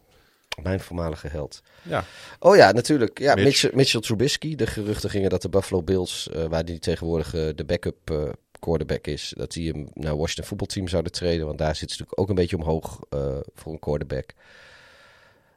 Is niet, is niet van de grond gekomen, die trade. Eh, wat natuurlijk ook heel veel mensen verwacht hadden, is dat Odell Beckham Jr. eh leidend voorwerp zou worden in een trade eh, weg uit Cleveland. Is er eigenlijk ook niet van gekomen. En ik denk dat dat eigenlijk wel de voornaamste trades zijn die, waarvan iedereen wel een beetje dacht dat ze zouden komen, maar die uiteindelijk niet plaats gehad hebben. ik zag ergens nog wel voor me dat Odell Beckham Jr. eh getraind zou kunnen worden naar de Giants. Terug. eh, Gewoon terug, ja. ja, met, Ze hebben met, daar met natuurlijk... Anthony en, en Beck had het wel, weet je, als die Beckham ooit nog een keer een schim van zichzelf weer wordt, dan had het best leuk kunnen zijn. Ja, bovendien hebben ze daar blessurepech op blessurepech. Dus ze hadden ook Ja. wel gewoon een wide receiver kunnen gebruiken. En Maar ja, ze misschien, kunnen altijd, eh, eh, misschien kunnen ze de Sean Watson oppikken, die kent in ieder geval de divisie. ja, als receiver. Ja. Ja. Goed. Hey, Of, eh, of sorry, eh de Sean Jackson. Ja, ik zit, ja, ik zit, ja, het script staat natuurlijk nog op de Sean Watson. Nee, eh, de Sean Jackson die net, die net in, in, in Los Angeles Ja. aan de, op straat gezet is. ja, ik, ik snapte het al even niet. Ja, nee, ik, ik moet, ik moet niet, niet. naar het script kijken en namen roepen, want dan roep ik wat ik lees. Ik ben een man, ik kan maar één ding tegelijk. Hey, zullen we eens door de wedstrijden heen gaan?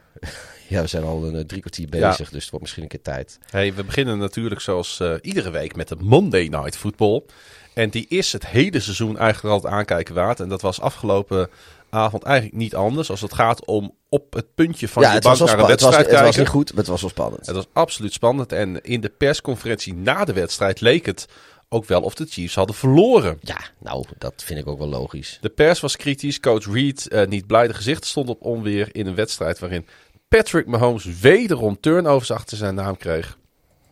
Was het eh, eh, uiteindelijk natuurlijk wel gewoon de thuisploeg die met een overwinning van het veld stapte op dat prachtige Arrowhead. Ja. Ehm, eh, het is nog niet, de, de, de, de pleister is nog niet gevonden hè, op de wond bij de Chiefs. Nee, weet je, kijk, ik denk misschien is. Ja, ja, ik geloof niet in die dingen. Als, als, als karma en dat soort gemier. Maar ergens heb ik ook wel eens het idee van, joh, dat al die. eh, al die gelukkige momenten die ze de afgelopen jaren gehad hebben, Ja. die, die zijn weg. En ik las ook ergens dat. eh, de voorgaande seizoenen had eh, Mahomes ook echt heel veel turnover-prone passes, zoals dat dan zo mooi heet. Die uiteindelijk nooit turnovers werden, Mhm. waardoor, waardoor het allemaal schitterend was. Maar dat, dat is natuurlijk in de langere termijn ook niet sustainable. Vind je het ook niet ergens geruststellend dat we zien dat deze man ook gewoon mens is? Ja, ik ben wel blij eigenlijk. Want wat we natuurlijk de ik vond het hartstikke mooi om te zien hoor. Begrijp Ja. niet verkeerd, maar ik, ik, ik, ik, ik hou niet zo van, van. Want het leek op een gegeven moment wel een soort van machine. Die, eh, en het enige wat niet. eh, eh, weet je, zo, Tom Brady heeft het ook een poos in zijn carrière gehad. En ik vind Tom Brady in, in Tampa vind ik hem veel meer mens. Niet alleen. Sportief is hij nog steeds bizar goed. Maar soms ook niet. Hij is niet meer zo ongenaakbaar. Eh, ja, ik, ik hou niet zo van, van die robots. Ik had dat vroeger al in Formule 1. Michael Schumacher mocht ik ook nooit. Niet omdat hij Duitser was, maar omdat hij een robot... Ik vond een robot. Ik vind eigenlijk... eh, En, en weet je, al- Ja, ja. al- altijd goed. En dat, ja, ik hou niet van zulke spelers. Ik, ik, Ik vind- Daarom hou ik ook niet van Messi, is, er, bijvoorbeeld. is er één quarterback op dit moment in de league die ongenaakbaar is? Nee, Volgens mij niet. nee, maar dat is toch fijn. Ja, ik vind dat ook heel fijn. Ik vind, maar het is, het is ook... Het, is, het is, maakt het voor iedereen net wat leuk. Ja, misschien is eh, Aaron Rodgers wel de meest ongenaakbare quarterback in de league. In ieder geval eh, in de regular season. Ja. Eh, tegen de tijd dat de championship games er weer aankomen, dan... Zal die, zal die wel wat steekjes laten vallen. Nou ja, goed. Ja. Ooit een keer. Met, met zijn talent eh, moet, moet dat ook een keer anders lopen. Maar ja, ik denk Brady is, is, is net niet meer zo feilloos als dat hij wel eens geweest is. Eh, eh, ik denk dat, ja, ik denk serieus dat, dat Rodgers misschien wel de, wat dat betreft de meest automatische quarterback is op dit moment. De zege die kwam tot stand door twee fourth quarter field goals van Harrison Butker. Eén om gelijk te maken en één voor de go-ahead scoren.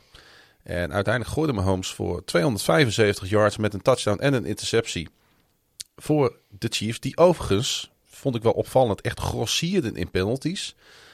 Ook wel een teken dat een team niet helemaal lekker draait. Dat ze niet helemaal in sync zijn, zoals ze dat eh, in Amerika vaak, eh, vaak eh, benoemen.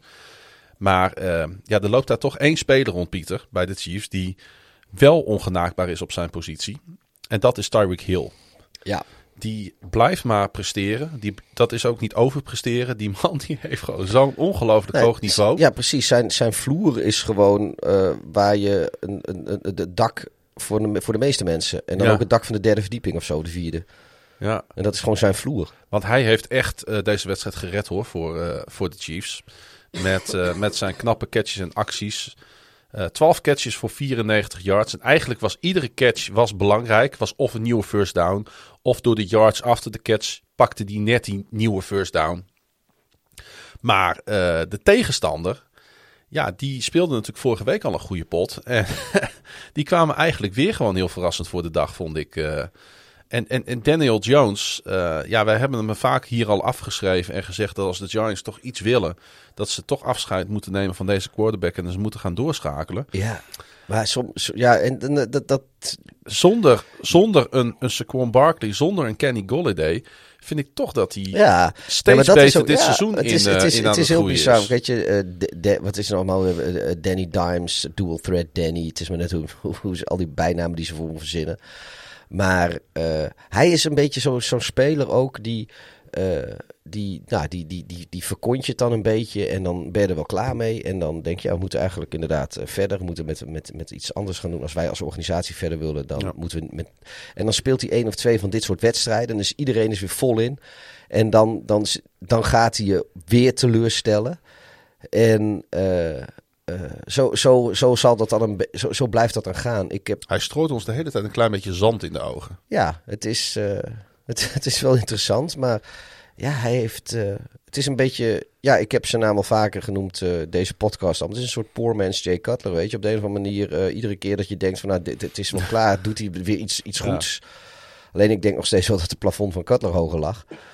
Ehm, maar ja, weet je, dat. dat het is heel frustrerend voor fans ook. Het is hartstikke mooi als je het goed doet, maar de volgende dag dan, dan gaat hij weer keihard Ja. eh, En toch, toch weten ook gewoon die Giants iedere keer wel weer een manier te vinden om toch wedstrijden te verliezen die ze op zich goed spelen. Dat gebeurde dit keer niet door Daniel Jones voor de goede Nee. orde. Ehm, maar er waren, en dat is eigenlijk, eh, dat hebben we nog niet eens benoemd, maar het probleem speelt al het hele seizoen. Ehm, zijn de problemen met de apparatuur van de Giants. En dat is toch wat, ongelooflijk. voor, wat voor apparatuur. Eh, de, de, de headsets. Die, die steeds uitvallen. Hè, je communiceert natuurlijk vanaf eh, de zijlijn. Bill je- Belichick zeker weer die dat doet. Ja, nou, die had wel wat anders Die te wil doen, denk zeker weten dat hij ze niet tegenkomt in de Super Bowl. Het is toch ongelooflijk raar dat al het hele seizoen je eh, technische problemen hebt met je apparatuur. Coaches die hebben contact En uit en met natuurlijk uit coaches die elders in het stadion eh, zitten. Dan ga je toch naar Boos Ja. toe, want volgens mij er staat met koeienletters Boos op al dat spul. Dus ik neem aan dat dat de sponsor is van die apparatuur. Die zegt toch gewoon luister jongens, dit Ja. is onze hele technische Nou ja. setup. Geef ons wat nieuws. Wat nog erger is, eh, de coach Joe Judge die gaf achteraan, achteraf aan dat ze zelfs twee time-outs hebben moeten nemen om eh, eh, de play call in duidelijk te heel- maken. ja, dat is zo duur voor je tight Ja, en zeker in deze wedstrijd, Ja. waarin het zo dicht bij elkaar ligt. Ja. Nou vind ik dat Joe Judge ook wel een, kleintje, een klein beetje naar zichzelf mag kijken. Want er was een moment in deze wedstrijd dat de Giants vlak bij de endzone stonden. Dat ze op fourth down, eh, ik dacht dat het 4 en 3 of zo was. gewoon in de red zone stonden. En ervoor kozen om voor een field goal te gaan. Ja, het is, achteraf is makkelijk eh, lullen en prachtig wonen. Maar eh, het is natuurlijk eh, wel een hele dure beslissing geweest om hier voor de drie punten te gaan. En niet voor die touchdown te gaan. Ja, Want balverlies op die plek vlak voor rust was ook niet zo'n ramp geweest. volgens mij kregen ze na rust, zouden ze de bal ook weer krijgen, als ik het goed heb. Dat weet ik zo niet uit mijn hoofd. Want ik ben bij rust heb ik televisie dat is, dat is, nou, volgens mij is dat.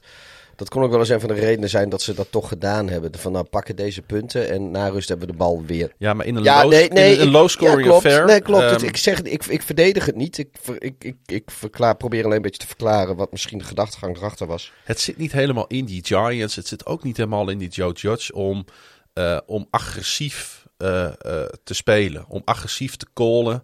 Dat, dat straalt deze franchise al jaren niet nee, uit. en, en kijk, ik, ik, ik denk misschien is het ook een beetje een soort van pick your battle idee. Dat als zij tegen een team spelen of als ze denken dat ze het wel kunnen winnen, dat ze, dat ze net wat meer riskeren dan als ze een, want waarschijnlijk hadden zij in augustus, toen ze het schema bekeken, hier ook al een elletje bij gezet. Wat achteraf natuurlijk hartstikke debiel is, want de, de Chiefs zijn genaakbaar. Ja. Als, is dat eigenlijk wel een woord? Ongenaakbaar idee, wel, maar Vanaf nu wel. Genaakbaar. Dat zijn ze. Nou, ik, En- vond het, eh, ik, vond het, ik vond het toen al jammer. En toen werd ik wakker vanochtend. Toen zag ik de uitslag. En toen Vond- balde ik er vond- helemaal van. Vond je het echt jammer, ja. Toen vond ik het echt jammer, ja. Een beetje teleurstellend wakker worden is dat. eh. Er was natuurlijk in deze wedstrijd, want in heel veel wedstrijden waren er weer allemaal van die ceremonies. De Chiefs die voegden longtime center Tim Grunhard toe aan hun Hall of Fame. Daar kunnen wij wel wat mee met die jongen. Grunhard, die, ja, dat eh, komt natuurlijk van Groenhart. Weet ja. je, we hebben, allemaal een Groenhart hier in Groningen. Nou, hij heeft wel eh, fantastische cijfers achter zijn naam staan. Want hij startte 164 van de mogelijke 169 wedstrijden. Speelde één keer in de Pro Bowl tijdens een 11-jarige loopbaan, loopbaan enkel voor Kansas City. Maar die zit ook in een, eh, een, in een Ring of Honor slash Hall of Fame. Mooi man. De Giants die spelen thuis tegen de Raiders volgende week. Kan best wel een leuke wedstrijd worden. En de Chiefs die krijgen de Packers op bezoek. Over uh, nou, affiches gesproken. Ja, De ik, eh, Chiefs het hebben, tijd dat eh, de Chiefs eh, het lek even boven weten te krijgen. Ja, want die hebben, eh, eh, heb ik begrepen, alleen nog maar tegenstanders op hun schema staan die op dit moment een winning record hebben. Ja, dat is ook wel een. eh, dat is lastig hoor. Ja. Volgens mij het zijn de enige team in de NFL die dat, eh, die dat hebben. Alle andere teams hebben minimaal één tegenstander van de komende. Wat hebben ze nog? Iedereen heeft er nog negen. Mhm. Zoiets. Sommige teams nog tien. Volgens mij, eh, maar waar minimaal één, eh, één losing record bij zit. Ik wil het even hebben over Adrian Phillips, als je het goed vindt. Ja, Een eh, schoolvoorbeeld van een NFL-speler die undrafted toch een prachtige carrière kan hebben. De safety speelde van 2014 tot en met 2019 namelijk bij de San Diego en later natuurlijk LA Chargers. En in eh, 2018 eh, ging hij als first team All-Pro zelfs naar de Pro Bowl. Na blessuretijd een jaar later besloten de Chargers echter niet meer met hem door te gaan. En belandde de 29-jarige Texaan bij de New England Patriots. En dat eh, vond hij best lastig, heeft hij ook in eh, interviews gezegd. toch een beetje een Who's That Man eh, erin gesneakt. Ja, een beetje stiekem. Omdat hij als undrafted speler, vond hij, veel te danken had aan zijn eerste werkgever. Ik snap dat wel als je undrafted bent. Ja. En je weet toch een carrière op te bouwen. En zo'n team zegt, terwijl je een jaar daarvoor nog gewoon all-pro eh, Pro Bowl speler was. We gaan toch niet met je door. Nou, dan pikt een team als eh, de New England Patriots hem op. Ook wel een Zo classic. Patriots move. echt, ja, zeg maar Patriots move dit, ja. En dus zou je ook wel kunnen spreken van revenge afgelopen zondag. Want de New England safety intercepte twee passes. En rende er ook nog eens één terug voor de go-ahead touchdown in een 27-24 overwinning op de Chargers in notabene Inglewood, California. Want de Chargers eh, verloren thuis. toch wel wat verrassend. Ja, ja, in, in eigen huis eh, kregen ze hem aan de kont. En dit vond ik wel zo'n mooie, eh, eh, ja, zo'n mooie in, in, in-game eh, story. Ja, het is sowieso. Weet je, het had Louis van Gaal er ook niet een handje van om altijd spelers op te stellen als ze tegen hun oude ploeg speelden. Ja, En dan scoorden ze over het Klopt. algemeen ook of zo. Dat was ook zo'n zo'n dingetje. Nou ja, dat Belichick die heeft gewoon een, een bladzijde uit dat boekje. En die doet dat ook gewoon. Ja, die Philips zei ook, iedereen wil toch even aan zijn oude team laten zien wat, wat ze waard zijn. En eh, het is trouwens, eh, de, dat was zijn eerste multi-interception game eh, van zijn nu achtjarige carrière. Dus hij had ook echt wel een topdag. Ja. En, ja, en dan ook nog met de win. Het is het tweede jaar op rij dat, dat de Patriots van de Chargers weten te winnen. Is dat dan toch all Bill Belichick? Wat is dat dan? Nou, dat zijn denk ik van die, van die matchups die... weet je, je hebt, je hebt altijd teams die, die liggen elkaar wel of juist Ja. niet. En eh, ik weet ook bijvoorbeeld eh, in de tijd... Ja, de mensen die, nog, eh, die hier naar luisteren, die nog maar net NFL kijken... die zullen zich dat waarschijnlijk niet voor kunnen stellen. Maar er was een tijd, een aantal seizoenen... dat de, de Houston Texans een powerhouse waren in de, in de AFC... Met uh, over trouwens best heel rare matige quarterbacks. Zoals Matt Sharp of zo, weet je. Dat, Mm. dat waren dan hun quarterbacks. Maar Hadden ze, gewoon de play-offs mee. maar dan haalden ze gewoon de playoffs mee. En ze waren ook altijd wel weer, favoriet om, om naar de AFC Championship game te gaan. Maar op de een of andere manier, de Patriots hadden nooit moeite met ze, om maar wat te noemen. Alle teams in de, in de AFC en ook in de NFC trouwens, die, eh, die, die hadden moeite met de Texans. En als ze er al van wonnen, was het met een één score verschil. En dan kwamen ze naar New England of, of de Patriots kwamen naar Houston. En dan was het weer twee, drie touchdowns eh, verschil, eh, kregen ze gewoon kloppie. En dan was van die hele defense was niks over. En die offense, dan was Matt Sharp, leek in één keer weer Matt Sharp. Of, of wie er ook maar stond. Ja, weet je, dat, dat, dat zit erin. Als, eh, als er ergens een zwakte zit in, een, in zo'n team. De, als, als er dan één, één ander team is die dat uit kan buiten, zijn dat de Patriots. En ik denk dat, dat de Chargers dat ook hebben. Dus dat is vet kut voor ze. Want ja, als zij straks wel in de postseason zitten en ze komen weer tegen New England als die het ook halen. Ja, terwijl de Chargers op zich best ver kunnen komen, normaal gesproken. Ik vond het ook wel weer zo'n typische teamoverwinning van de Patriots. Want eh Mac Jones vond ik niet eens zo heel goed spelen. Eh, maar eh, als je dan alle drie de units bij elkaar neemt, en daar zijn de Patriots ongelooflijk sterk in, dan weten ze zo'n overwin in, in, in, echt een lastige road Hè? Bij de Chargers weten ze en op Ja. defense en op special teams Het is, en op zijn- offense ja, ze zijn te zo compleet eh, wat dat betreft. En, en daar is, ja, dat, dat moet ik altijd wel credit geven aan Bill Belichick. Die, eh Ja. Ze is natuurlijk ook een voormalig special team coach, eh, lang, lang geleden. klopt. Ehm, die is die... ja, en ze dat- hebben, en dat vind ik, ik, heb daar, daar, ik had daar een opmerking over gemaakt op Twitter van de week. En niet iedereen was het helemaal met me eens. Het was ook wel een beetje, eh, beetje zwart-wit. Maar ze hebben echt een hele goede kikker op dit moment eh, in New England rondlopen. En als je dan een rookie quarterback hebt die wel je team, je team iedere keer, zijn unit iedere keer in positie weet te zetten. Maar nog niet iedere keer het weet af te maken met een eh, touchdown. Ja. Ja. dan hebben ze in Nick Volk hebben ze echt een, echt een van de top kickers in de league op dit moment op hun roster staan. ja, Want hij schoot voor de derde keer dit jaar vier field goals in één wedstrijd binnen. dat zijn weer 12 puntjes. En dat is, eh, dat is veel. Ja, Eh, de defense maakt het eh, Justin Herbert lastig. En ehm, waar we de Miami Dolphins misschien iets te hoog hadden ingezet, gaat dat ook ondertussen op voor de Chargers. Want ze hebben gewoon op dit moment best wel gewoon een lastig seizoen. ja. dikke tik gehad natuurlijk in Baltimore. Nou, dan heb je een bye week.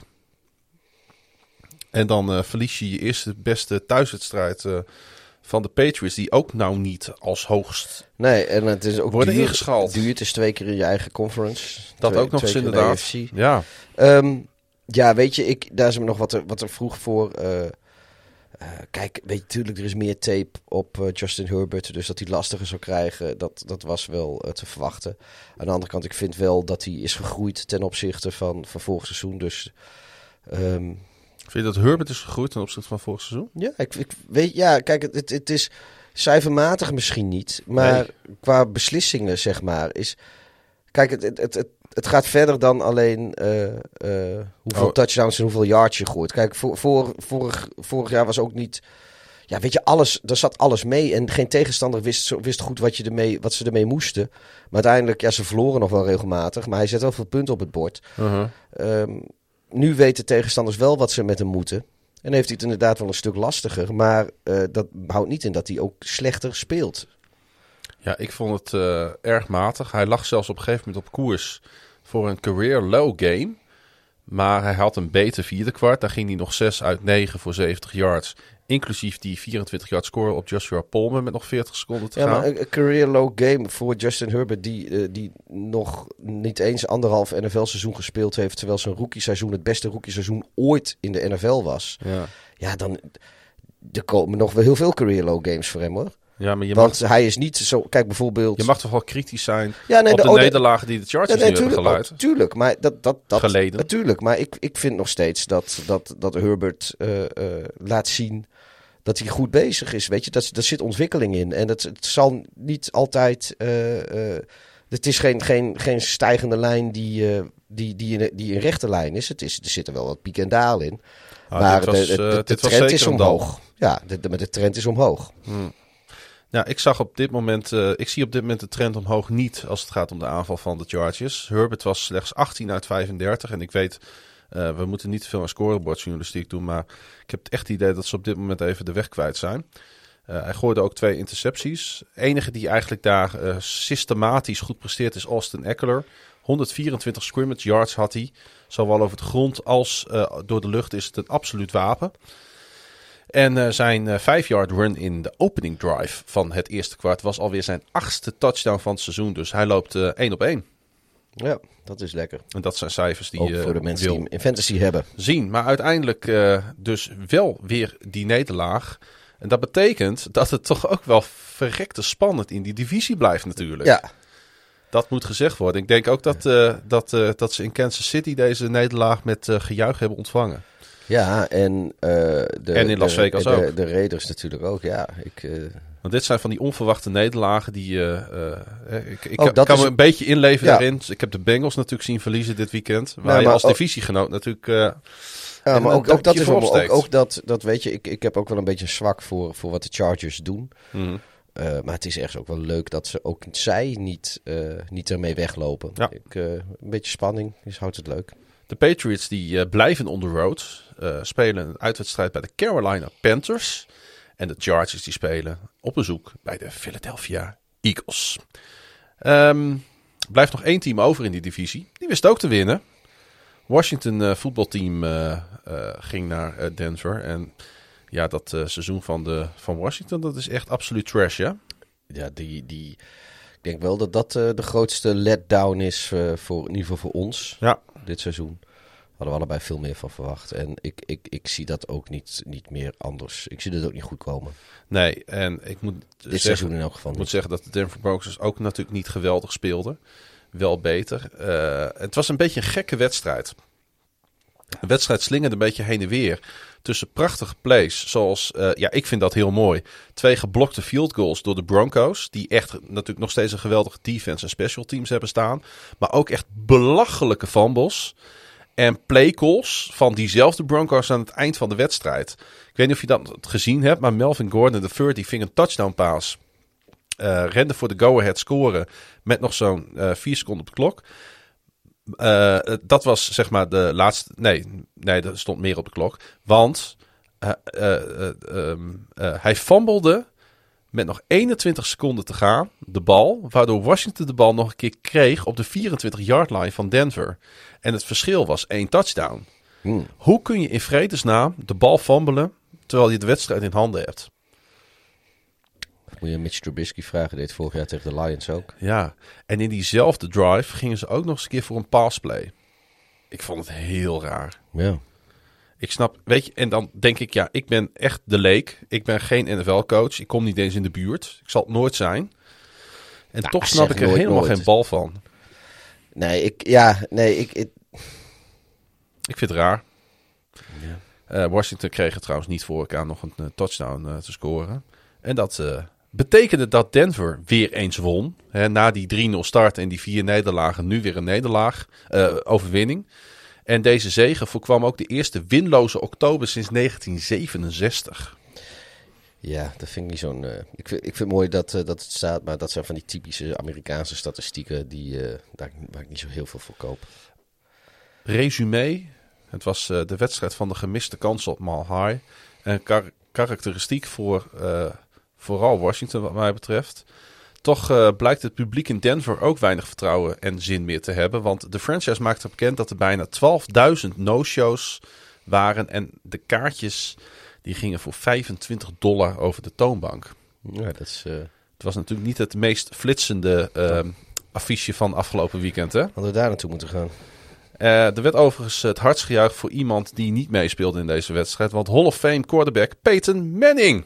Ja, die kwam naar de Ring of Honor, eh, werd hij eh, ge, ge, geïnaugureerd. Inderdaad, in de Ring of Fame, zoals Oh, het daar oh, heet. Ring of, ik noem het altijd standaard Ring of Honor, maar ieder team noemt het anders. Ja. Sommigen noemen het Hall of Fame, sommigen Ring of Honor. En de Denver Broncos noemen het dus Ring of Fame. Manning trok zelfs even zijn eh, nummer 18 jersey aan en gooide een perfecte 30-yard pass op goede vriend en receiver Brandon Stockley. Stokely. Stokely? Ja, volgens mij heet hij Stokely. Volgens mij moet er nog een E in. Maar dat maakt niet uit, want ik vraag me af of eh Peter Manning nog steeds spierpijn heeft aan eh, van die 31. Want dat deed hij zijn actieve carrière op het laatste, kreeg je dat Nee. weer voor elkaar. Nee, er, moest, de- er stond er iemand op het veld die die arm naar achteren gooide. ja. Die moest hem daarbij helpen. Nee, hij eh, en ik, eh, ik denk, ga even die, die Stokely ga ik eens even opzoeken. Want eh, ik kende hem niet zo goed meer. Hij heeft eh, 14 jaar in de NFL gespeeld, waarvan drie jaar in Denver. En hij won, eh, en dat is dan toch wel weer heel erg leuk, twee Super Bowl ringen in zijn carrière.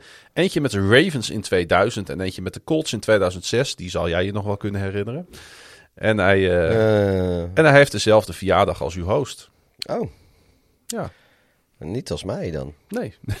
nee, jij bent namelijk niet op dezelfde dag jarig als, Als jou. als ik. Nee, dat klopt. Eh, het kon zijn dat je op mijn verjaardag jarig was, maar dat is dus niet zo. Nee. Hey, ehm, Washington heeft een bye week. En daar is denk ik iedereen blij mee. Want dan hoeven wij ook niet naar het voetbalteam te kijken volgende week.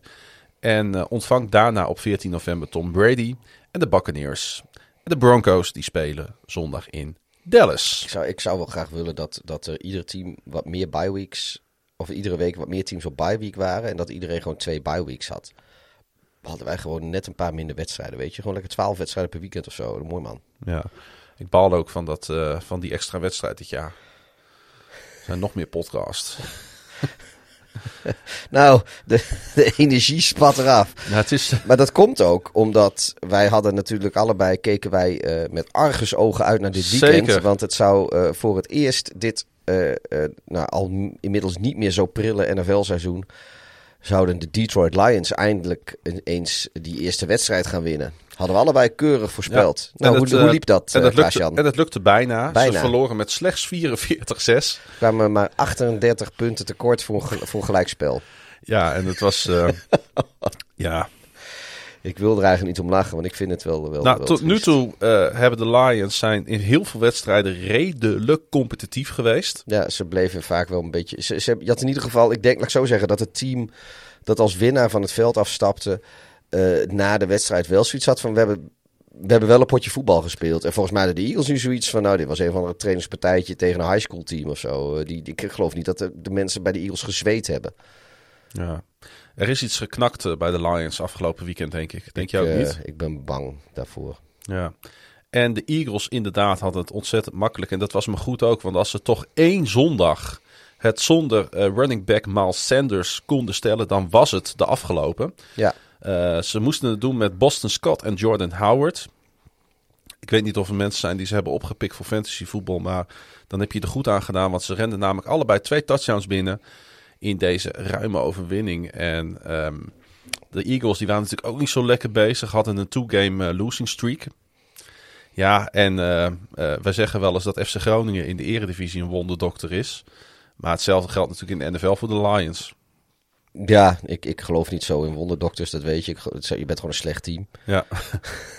En daardoor winnen tegenstanders van jou.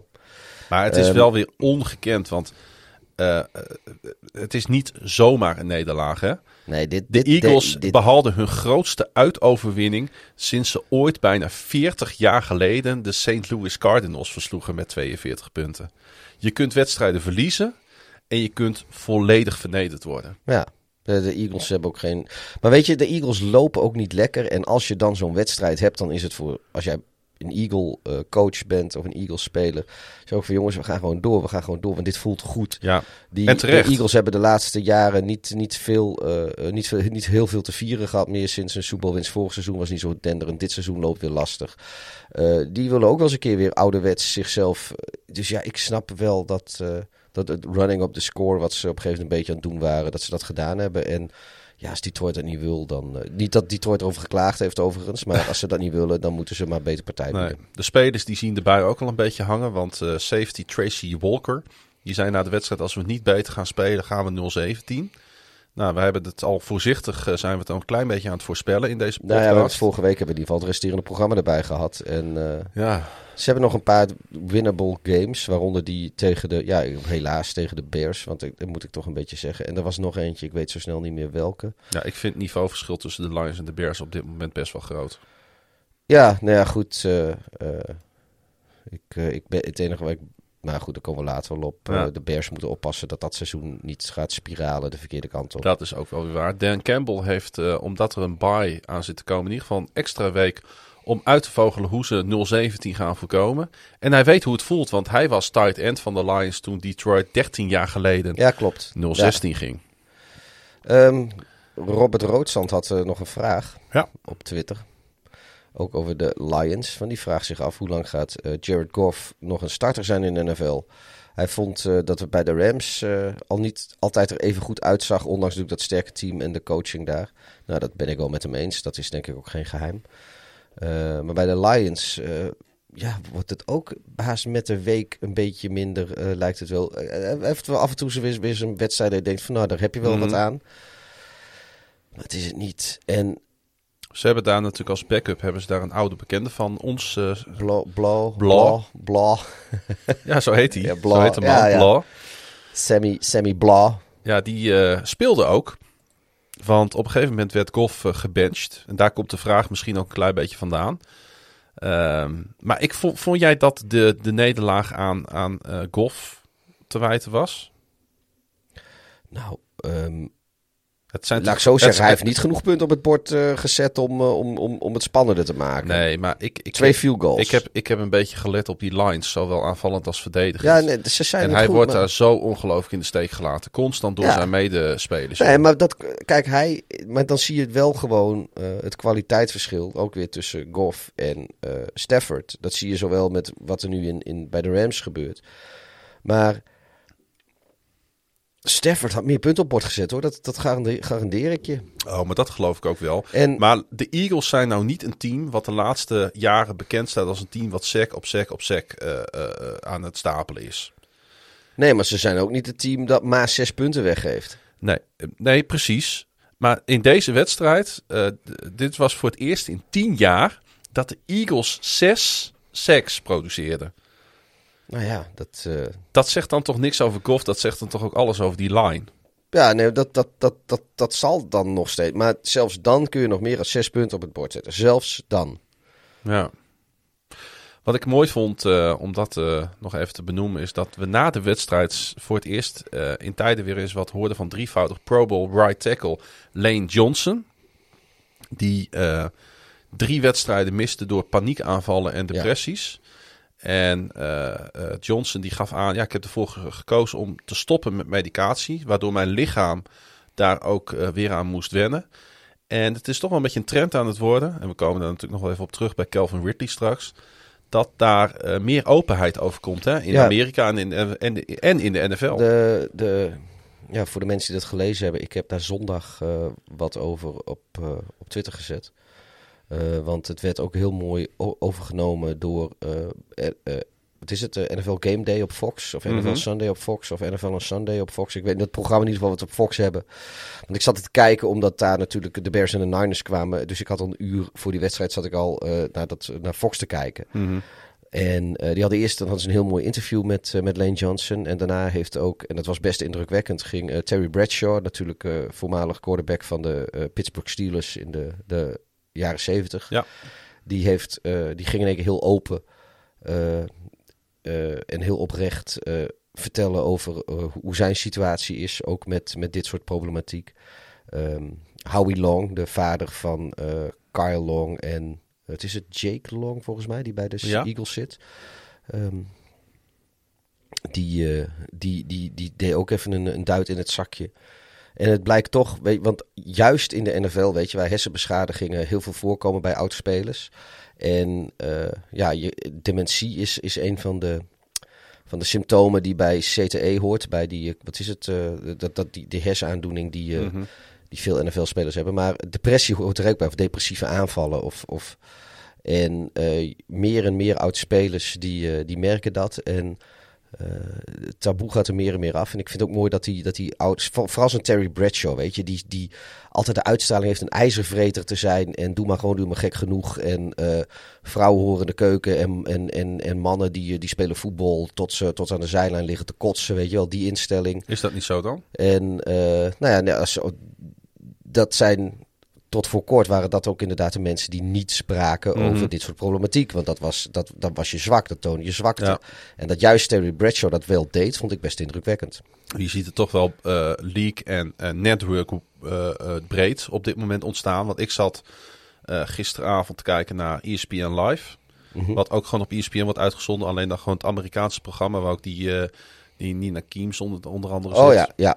Zij is van de Seahawks. Dus, Ja, eh, klopt. En dat vind ik best wel een tof programma om naar te kijken. Omdat heeft ook ik de best, sfeer... zij, zij heeft eh, ook een leuke podcast trouwens. Ja, klopt. Eh, ik vind haar sowieso erg sterk. Maar ik vind, ik vind die hele sfeer in die show altijd ongelooflijk goed. En ook daar werd met zeer veel respect hierover en over Calvin Ridley gepraat. En ook gewoon presentatoren waar echt heel veel mensen naar kijken in Amerika. Die gewoon zeggen van jongens, als je problemen hebt, praat er gewoon fucking over. Ja, weet je, precies. Blijf er niet mee zitten en trek gewoon je mel open, want dat gaat je gewoon helpen. Ja. En dat is wel een trend die we zien. En ik vind het eigenlijk, eh, nou, ik vind het eigenlijk wel mooi. Geldt voor onze luisteraars ook, hè. Als je wat hebt, neem, zoek, zoek hulp, praat met mensen. Ja, absoluut. Ehm, was er dan niets te juichen voor de thuisfans eh, van Detroit? Chris Spielman kwam in de Pride of the Lions. Dat is ook weer een, ik zou zeggen, de, de, de, de Ring of Fame of de Ring of Honor van, de, van de De Lions. Pride of the Lions vind ik eigenlijk best wel lekker bekken. Ja, weet je nog de Pride Walk daar in Detroit? Weet je, dat weggetje naar het stadion toe onder dat doek door, Ja. waar ik jou op de foto heb God, wat een gezet. treurigheid, hè? Oh. Dus Ja. daar loop je over dat op, opengescheurde Amerikaanse beton. Ja, Eh, loop je naar zo'n stadion toe. En dan inderdaad eh, wordt dat half aangekleed. ja, Er loopt bijna niemand, want er wordt niet getailgate in Detroit. Iedereen zoekt zijn hel in het stadion. Ja. Want buiten het stadion ben je leven ongeveer niet veilig daar. en er is niks te beleven. nee. Het is, het- het- het- Detroit is de enige stad dat als je buiten staat en wat roept, dat je echo hoort. Normaal is, is dat binnen, maar in Detroit is dat gewoon buiten. Ja, en, en je bedoelt dat een beetje eh schertsen, maar het is, het is bijna zo inderdaad. Ja, nee, we hadden het, eh, ja, mag ik misschien eigenlijk niet zeggen, maar we hadden het net over depressie. Nou, als er iets inderdaad eh, de, depressie opwekkend is, is dat inderdaad het, eh, de Pride Walk in Detroit Ja, en de ja. omgeving van het We stadion. hadden het toevallig, we zitten al wat langer bij elkaar vandaag. We hadden het er even over, over Detroit. Hè? Ja. Dat, dat dat op veel mensen toch wel een deprimerende uitwerking heeft. ja, En wij zijn er ook geweest en we gaan er nu weer naartoe. En het is ook mensen niet veel. verklaren ons voor gek. Maar we gaan wel, we hebben een beetje geleerd. Eh, nou, niet geleerd, weet je. Ik, ik, ik, ik kan ook, me- in theorie kan ik me wel een week vermaken in Detroit als dat zo moet. Als het een beetje sport is, een beetje, beetje Red Wings, een beetje Lions. Joh, Ja. ik vermaak me wel.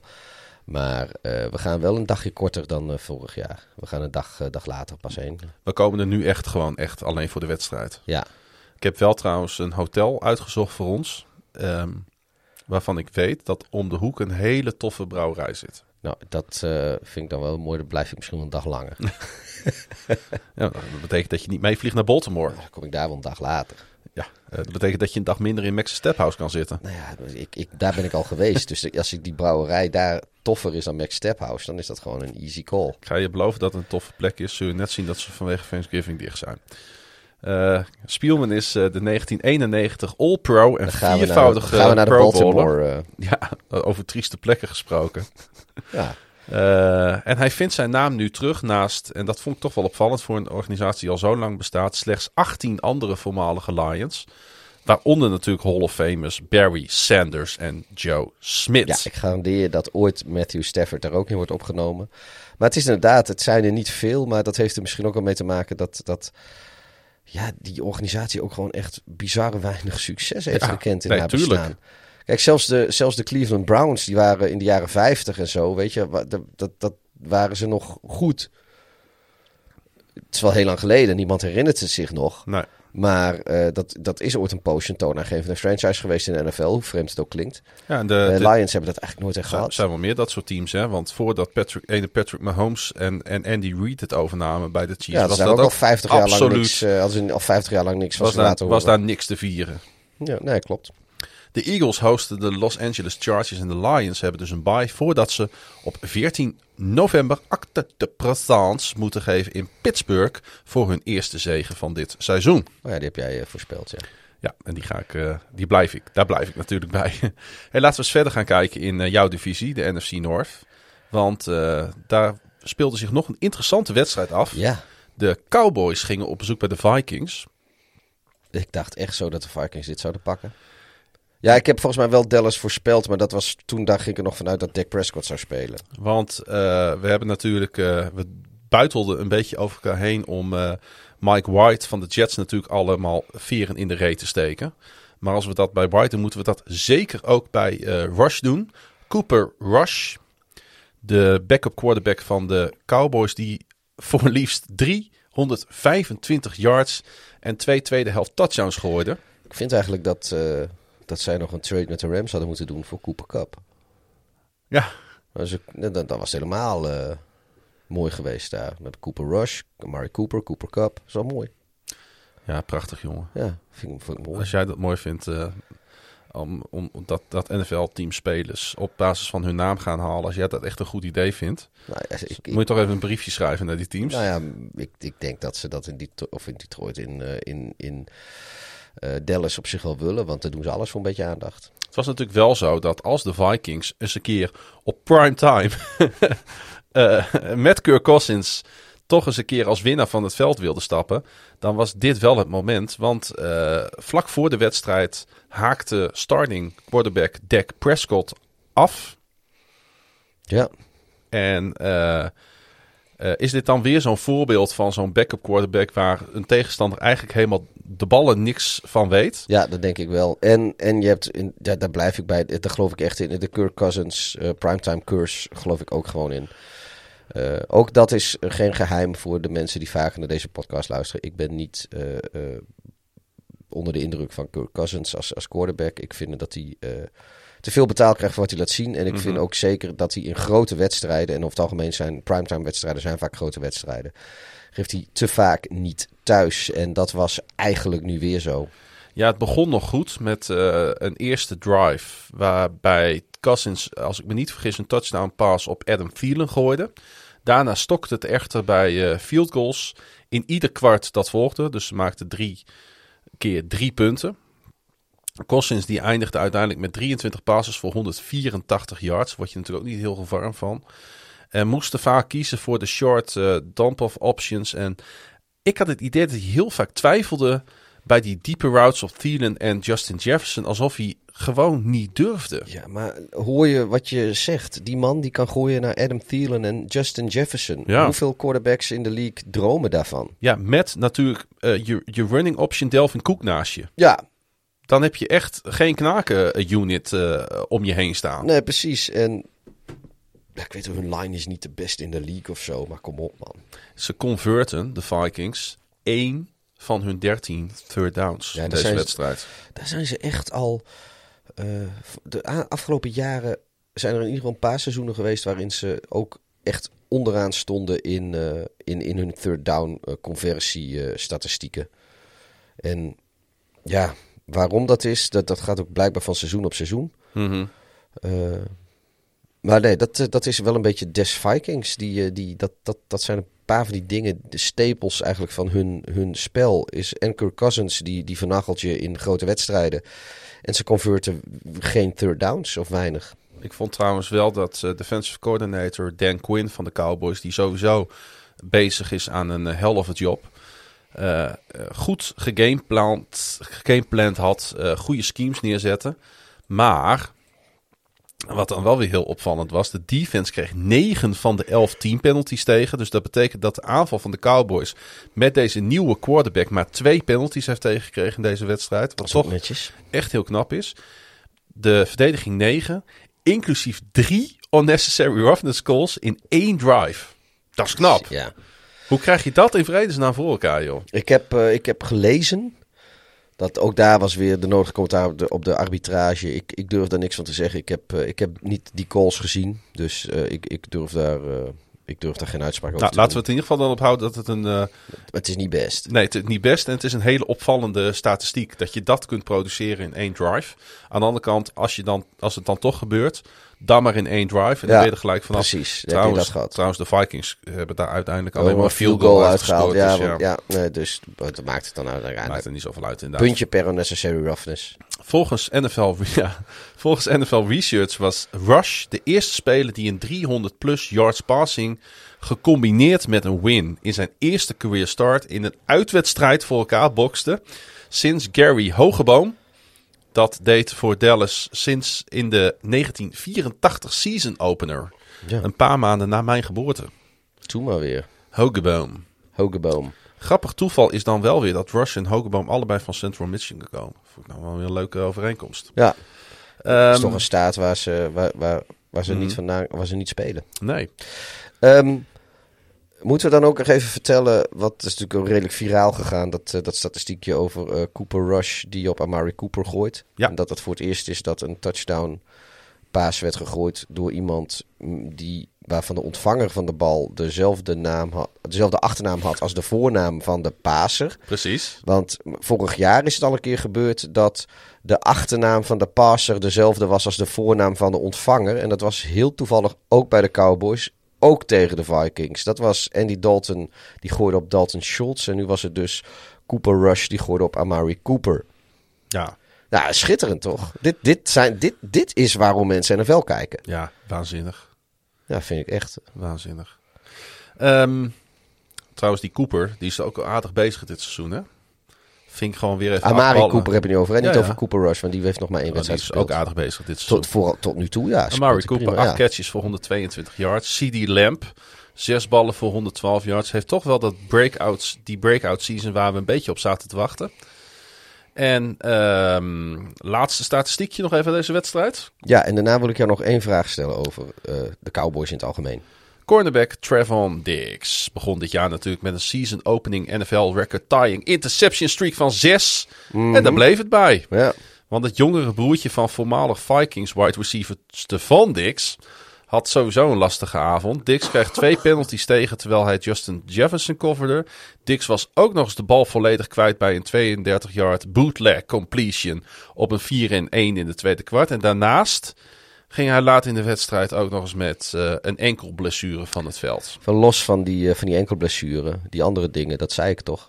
Dat eh, als je, als je langs de, de intercepties kijkt, dan, dan is het niet zo'n niet zo'n sterspeler. Nee, al heeft hij met al die intercepties Ja, en eh, al die returns voor aardig wat punten gezorgd. Nee, natuurlijk. dat, dat sowieso. Maar eh, ja, Impact heeft het wel, maar inderdaad... eh, op het moment dat die er niet zijn, dan, ja, dan, wordt het, dan, ja, dan, dan is die niet zo. dan is het geen Pro Bowler. Nee, en dan als je zo'n wedstrijd neerzet zoals hij heeft gedaan.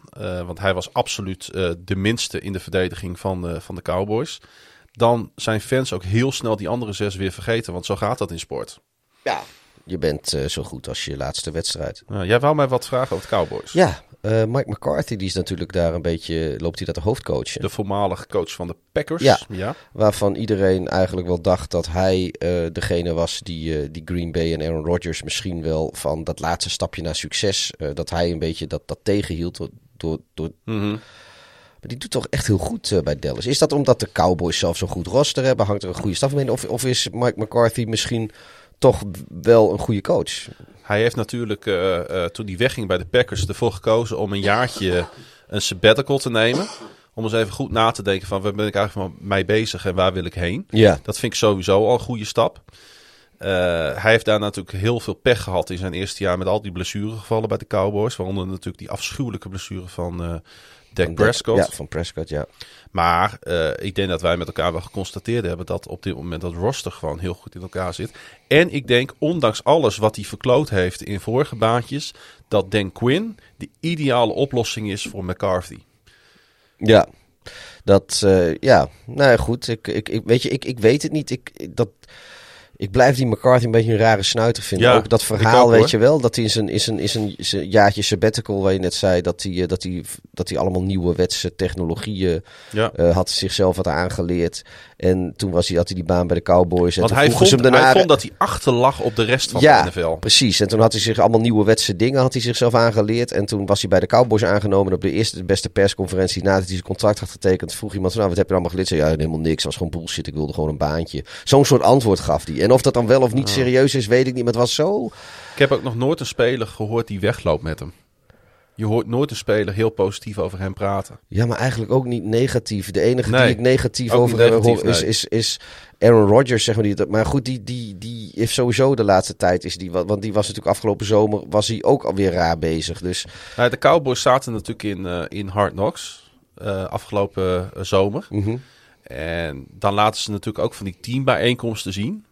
En dat geeft altijd wel een interessant inkijkje van hoe, wat, hoe zegt ze. Het John Gruden eh, vond ik ook een genot om te volgen in, eh, in Hard Knocks een paar jaar geleden. Ja, ik weet dat ik compleet ben afgeknapt op die eh Philbin toen hij bij de Dolphins zat. Precies. En ik, vind, door Hard Knocks. ik, vond dat, ik, ik vond dat Mike McCarthy uitstekend overkwam. En uitstekend ook aan het samenwerken was met zijn andere coördinators en coaches. Zij heeft, zegt geen gekke dingen. Eh, doet over het algemeen ook niet zo raar. Nou ja, heeft even weer naar zichzelf moeten zoeken. Nou, Ja. soms, soms heb je dat nodig, dat je er even een jaartje tussenuit moet. Nou, is mooi. Ehm, de Cowboys die stomen. eh, eh, we hadden het over de, eh, ehm, eh, de Titans, die het heel makkelijk in de divisie hebben. Maar hetzelfde kunnen we natuurlijk ook van de Cowboys zeggen. Want die stomen toch wel vrij makkelijk door, denk ik, Ja. de divisiewinst op Ja. deze manier. Hè? Ja, dat zeker. Ehm, de Cowboys. de Denver Broncos. Nou, dat is ook geen hoogvlieger. Nee, die krijgen ze op bezoek zelfs. Oh ja, sorry, ja. En de Vikings, die reizen af naar Charm City, oftewel Baltimore. Ja, en in, dan een, hadden eh, in een rematch trouwens van, van, eh, eh, van die legendarische, die legendarische 93, wedstrijd van acht jaar geleden. ja, 93. Of Ja. ja. 3, 2013. Ik, ik ben echt ook er helemaal niet bij vandaag. We hadden het net over Mike McCarthy. Ja, Dus gaan we het nu hebben over zijn voormalig werkgever. de Packers. En ehm, dan wil ik het even over Rasul Douglas hebben. Ja, als jij dat even doet, dan pak ik even wat te drinken. Pak jij maar even wat te drinken, want Rasul Douglas, dat is namelijk zo'n typische NFL journeyman die een beetje van kamp naar kamp en van practice squad naar practice squad hopt. Maar eh, eindelijk zagen de Packers iets in hem wat schijnbaar anderen niet zagen. Hij werd donderdagnacht de held voor het momenteel wel hottest team in de league. Notabene tegen een van zijn voormalige teams. Het eh, was namelijk Douglas die verantwoordelijk was voor een interceptie. Het is dezelfde interceptie die ook in, eh, in de intro van Pieter zat. Met nog 12 seconden op de klok in het vierde kwart. En de Packers die wonnen van de tot dan toe onverslaanbare Cardinals 24-21. Ehm, het leek er op dat moment dus wel op. Tenminste, ik heb die wedstrijd zitten te kijken. Dat de Cardinals het wel over de streep zouden trekken. Maar Kyler Murray, door ons zo opgehemeld al het hele seizoen, gooide dus op second and goal de interceptie die het eh, thuispubliek in verbijstering de uitgang deed opzoeken. Ja, mij ook een beetje. Ik zat dat te kijken en eh, boah, ik had dit niet verwacht. Ik had zoiets van, het leek erop alsof, alsof ze het alsnog even zouden flikken, die, eh, die Cardinals. Ja, Zo'n en, bizarre, eh, bizarre eindfase was het ook wel. het was een hele bizarre eindfase. En, is niet- een anticlimax. hoor. En niet alleen jij was verbijsterd en ik en al die mensen daar in Glendale. AJ Green, want ze waren totaal niet in sync, verwachtte de paas totaal niet, keek niet eens om. En die Douglas kon eigenlijk de bal heel makkelijk in Ja. de hoek van de endzone vangen. Einde wedstrijd. Ja, Was inderdaad een hele grote anticlimax. eh, zeker als je hoopt natuurlijk dat de Packers verliezen. Dan is hij nog groter. Ehm, het was toch al met al, en daarom wou ik deze Douglas er even uitpakken, toch de avond van de wat minder bekende Packers. Want deze Douglas werd slechts drie weken geleden toegevoegd aan het active roster. Omdat het team echt ook wel hulp nodig had in de secondary. En hij werd dus notabene getekend vanaf de practice squad van de Cardinals. En eh, jij zei dat eh, voor de uitzending eh, tegen mij. Dat het lijkt wel alsof de Packers daar een beetje een handje in, in- mee, mee hebben. Hè? ja ik, ik zie dat wel vaker gebeuren. De, de, dus de, de Patriots doen het in de AFC een beetje. En ik heb wel eens het idee dat de, Packers dat in de, in de NFC doen. oud-spelers oppikken, ze tegen een oude team laten spelen. En dan, en dan hebben ze in één keer een impact game of een, een be- belangrijke interceptie of, of weet ik veel wat. Aaron Rodgers die gaf dat ook wel een beetje toe. Hij zei na de wedstrijd: This is why I love this squad. The guy that made the pick. dus hij noemde hem niet eens bij zijn naam. The guy that made the pick was with them. Waarop hij naar die eh, Cardinals sideline wees. For four weeks. He was on the street. We brought him in. He started for us. He's a great dude. He's really meshed well with our team. To come up with a play like that with 15 seconds left is incredible. Nou ja, dat is laatste is dikke onzin, want het was absoluut gewoon een hele foute beslissing van, eh, van, eh, van de aanval. Ja, maar je moet, je moet natuurlijk wel profiteren. Maar goed, dat, Ja. dat, dat ja, weet je, dus ook een beetje mazzel hebben. Maar het- je moet het alsnog doen. Precies. Eh, wie ook een clutch night had, Pieter, weer eens, was Randall Cobb. En we zeiden het al. Als je Ja. hem op je fantasy roster hebt staan, word je even blij. Want Devante Adams en Alan Lazard stonden allebei lekker gezellig met z'n tweetjes op de reserve COVID-19-lijst. Ja, En eh, de 31-jarige kop die liet eh, toch maar weer eens zien waarom hij in Green Bay rondloopt.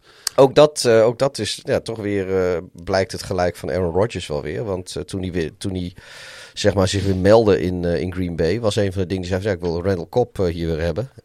En iedereen had zoiets, ja, touw hem jong. Ja. Jij ook. Oh, ja, gewoon, het was gewoon een rare ijs. Maar ja, het, het gelijk van Aaron Rodgers is wel weer bewezen nu natuurlijk. Absoluut. Hij ving niet eens zo heel veel ballen, maar wat hij ving was belangrijk. En daar gaat het Ja, natuurlijk het om. is voor Rodgers natuurlijk belangrijk dat hij die, die, die in ieder geval één guy heeft. Ja, ik snap niet, Devante Adams is dat natuurlijk, is, is een go-to. Maar het is wel, eh eh, Cobb is natuurlijk wel een soort vertrouwens eh, Mhm. mannetje voor hem. En dat is ook wel heel lekker. Ja, en je weet gewoon in zo'n seizoen waarin COVID een rol speelt, dan heb je gewoon inderdaad de kans dat spelers op die lijst eh, belanden. Ja, en als je dan kop achter de hand hebt, Ja. op third of fourth string, ja, kan minder. Green Bay heeft nu zeven wedstrijden op rij gewonnen na het verlies in die seizoensopener tegen eh, New Orleans. Arizona probeerde een eh, franchise record voor langste winning streak om een seizoen mee te beginnen te genereren. Maar ze evenaden nu slechts het 7-0 record uit 1974. Ik denk toch dat ze, op, als je dat in augustus had gevraagd, van, joh, je dat, wil je dat record evenaren, dat ze ervoor getekend hadden. Me dunkt. Eh, trouwens, de Cardinals die speelden eh, hun eerste wedstrijd zonder defensive end J.J. Watt. Hè? ja, ik, toevallig zat ik vorig... ik, z- ja, ik, af en toe luister ik onze eigen podcast ook terug. Ja, dat is goed voor de streamingcijfers. En toen hoorde ik dat. En eh, dat ik, ik had dus, ja, hij heeft de laatste paar seizoenen markeert hij toch regelmatig wel wat. En hij zei, nou, dit seizoen hartstikke fit. En nou, dat had ik dus net geluisterd. Ik had mijn telefoon goed en wel afgesloten. Ik was zo blij voor En, hem. en, en direct eh, Ja. was... Ja, nee, ik was niet blij voor mezelf. Maar het, ik, Nee, ik was vond het blij- heel... ook Ik was blij voor Watt dat het zo goed ging eh, dit ja, seizoen. ja, oh zo. Ja, ik, ik, ik, ja, ik vond het wel opvallend. Eh, je, hebt, je hebt hem gejinxed, KJ. Ja. Ja, hij mag me bellen. Watt heeft, eh, moet een schouderoperatie ondergaan zoals het nu lijkt. En als dat ook daadwerkelijk gaat gebeuren, is het gewoon einde seizoen. Eh Watt liep de blessure trouwens op in die wedstrijd van vorige week tegen de Texans. Zou, zou toch wat zijn als dat zijn laatste career game wordt. Grote, ja, grote kans in ieder geval dat de drievoudig, laten we het toch nog maar even benoemen, de drievoudig NFL Defensive Player of the Year zal blijven steken op 16 tackles en 1 sack dit seizoen.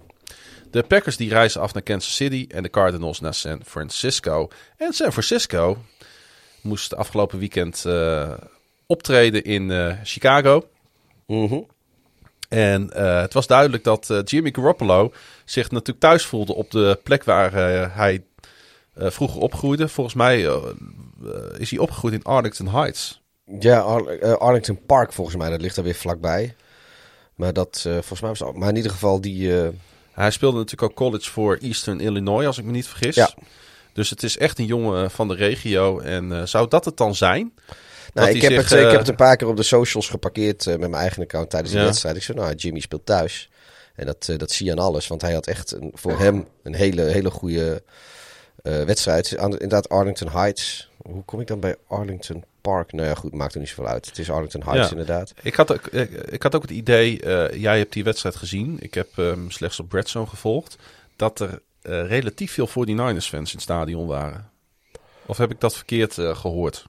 Nou, er was één, één vak in het zeggen, stadion. veel eh, Garoppolo fans, kan ja, ik er beter was, zeggen. eh, er was eh, sowieso één vak in het stadion. Daar zaten, of één plek, daar, daar had eh, die honderd, om, om en nabij de honderd vrienden en familieleden die daar zaten. Ja, en een allemaal heel groot deel hadden... oud-kamergenoten van ja, college eh, precies. zaten daar. Eh, Het, iets van honderd eh, genodigden had hij kaarten voor gekocht. Nou, dat is een vrij duur grapje in Chicago, eh, Ja. weten wij. Dus eh, dat, is, eh, dat heeft hij mooi, mooi gedaan voor die En mensen. en dat was notabene achter de endzone waar hij die touchdown scoorde. Ja, en daar, zat, eh, en daar zaten ze dus eh, eh, vrij veel. eh, ja, een groot deel had de Garoppolo shirtjes aan. ja. Eh, ik zag ook, dat was, kwam op tv voorbij, iemand die had een Bears shirtje aan met Garoppolo erop. Waarom weet ik niet. Waarschijnlijk ook omdat hij fan is van allebei of zo, wilde hij op die manier uiten. Maar goed, dus dat, eh, dat en ik zag her en der ook wel wat andere rode, rode shirtjes staan. Dat valt natuurlijk ook wel op daar, omdat het is allemaal wit of donkerblauw of een keer oranje. Maar eh, nou, ik, wat, wat je in, op beeld zag af en toe was, was dat Garoppolo vak, zeg maar. Ah, oké. Goed dat, eh, dat dat nu duidelijk is, want ik zat er heel erg mee. Ja, ik, ik, je ziet er ook moe uit. Eh heb je al een oog dicht gedaan sinds zondag? Hey, eh, het verschil werd na rust gemaakt, Pieter. Want eigenlijk was er bij rust nog niet zo heel veel aan de hand. Garoppolo dirigeerde zijn aanvallende unit in drie touchdown drives. En één keer zette hij eh, de aanval in field goal range. Zelf scoorde hij vanaf twee yards in het derde kwart en vanaf vijf in het vierde kwart. En eh, ja, hij gooide steeds die ballen als hij die, die touchdowns had gemaakt in dat vak. Hè, achter die endzone, naar die eh, vrienden en oude, oude roommates die daar zaten. Wat ging er na rust eh, mis in Chicago? Ehm, Voor Chicago? Nou, kijk, de verdediging. Als jij eh, de verdediging van Chicago, en dat was volgens mij ergens sinds de jaren 40 of 60 of whatever al niet meer gebeurd. Die hebben dus meer dan 400 yards weggegeven. Tja. Nul intercepties, nul sacks, nul fumbles.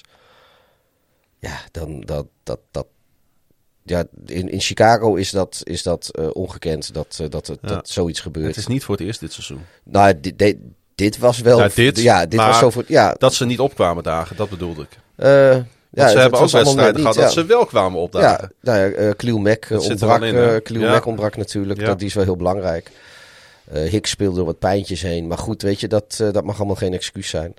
Eh, maar dat is denk ik wel een van de redenen. De, de, ja, de, wat ik zeg, dat Garoppolo twee rushing touchdowns doet, dat is ook al wel. Want dat, die, het is niet een bepaald een dual threat of zo, die Garoppolo.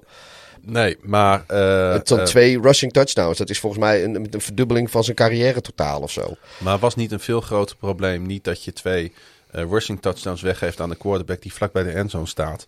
Maar dat je Elijah Mitchell 137 yards eh Nou ja, laat rennen. daarvan zat 80, 86 op één play. Oké, dat is waar. En eh, dat was een, ja, dat, waar, wat op zich ook al misging. Maar goed, weet je, dat is gewoon een screenpassje en, en, en op een eigen 20 yard line zo'n beetje. En dat, eh, dat wordt teruggerend voor een touchdown. Dat is ook gewoon bizar. Had jij niet stiekem het idee dat op voorhand gewoon deze wedstrijd een soort van ideale mogelijkheid was om ja, toch even te herstellen van die back-to-back losses tegen Aaron Rodgers en Tom Brady? Ja, nou, ik, ik had, ik had eh, weet je, Want je hebt gewoon twee eh, losable ja. games achter de... ja, Chicago die zit natuurlijk in een lastig pakket eh, qua in hun seizoen. En, en, maar de Niners ook. Kijk, ik, Ja. had, eh, eh, ik, had, ja, ik had Chicago op winst voorspeld, maar dat doe ik altijd. Dat is gewoon eh, een, een principe kwestie eh, eigenlijk. Maar ik had ook serieus wel het idee dat er wat te halen moest zijn tegen de 49ers.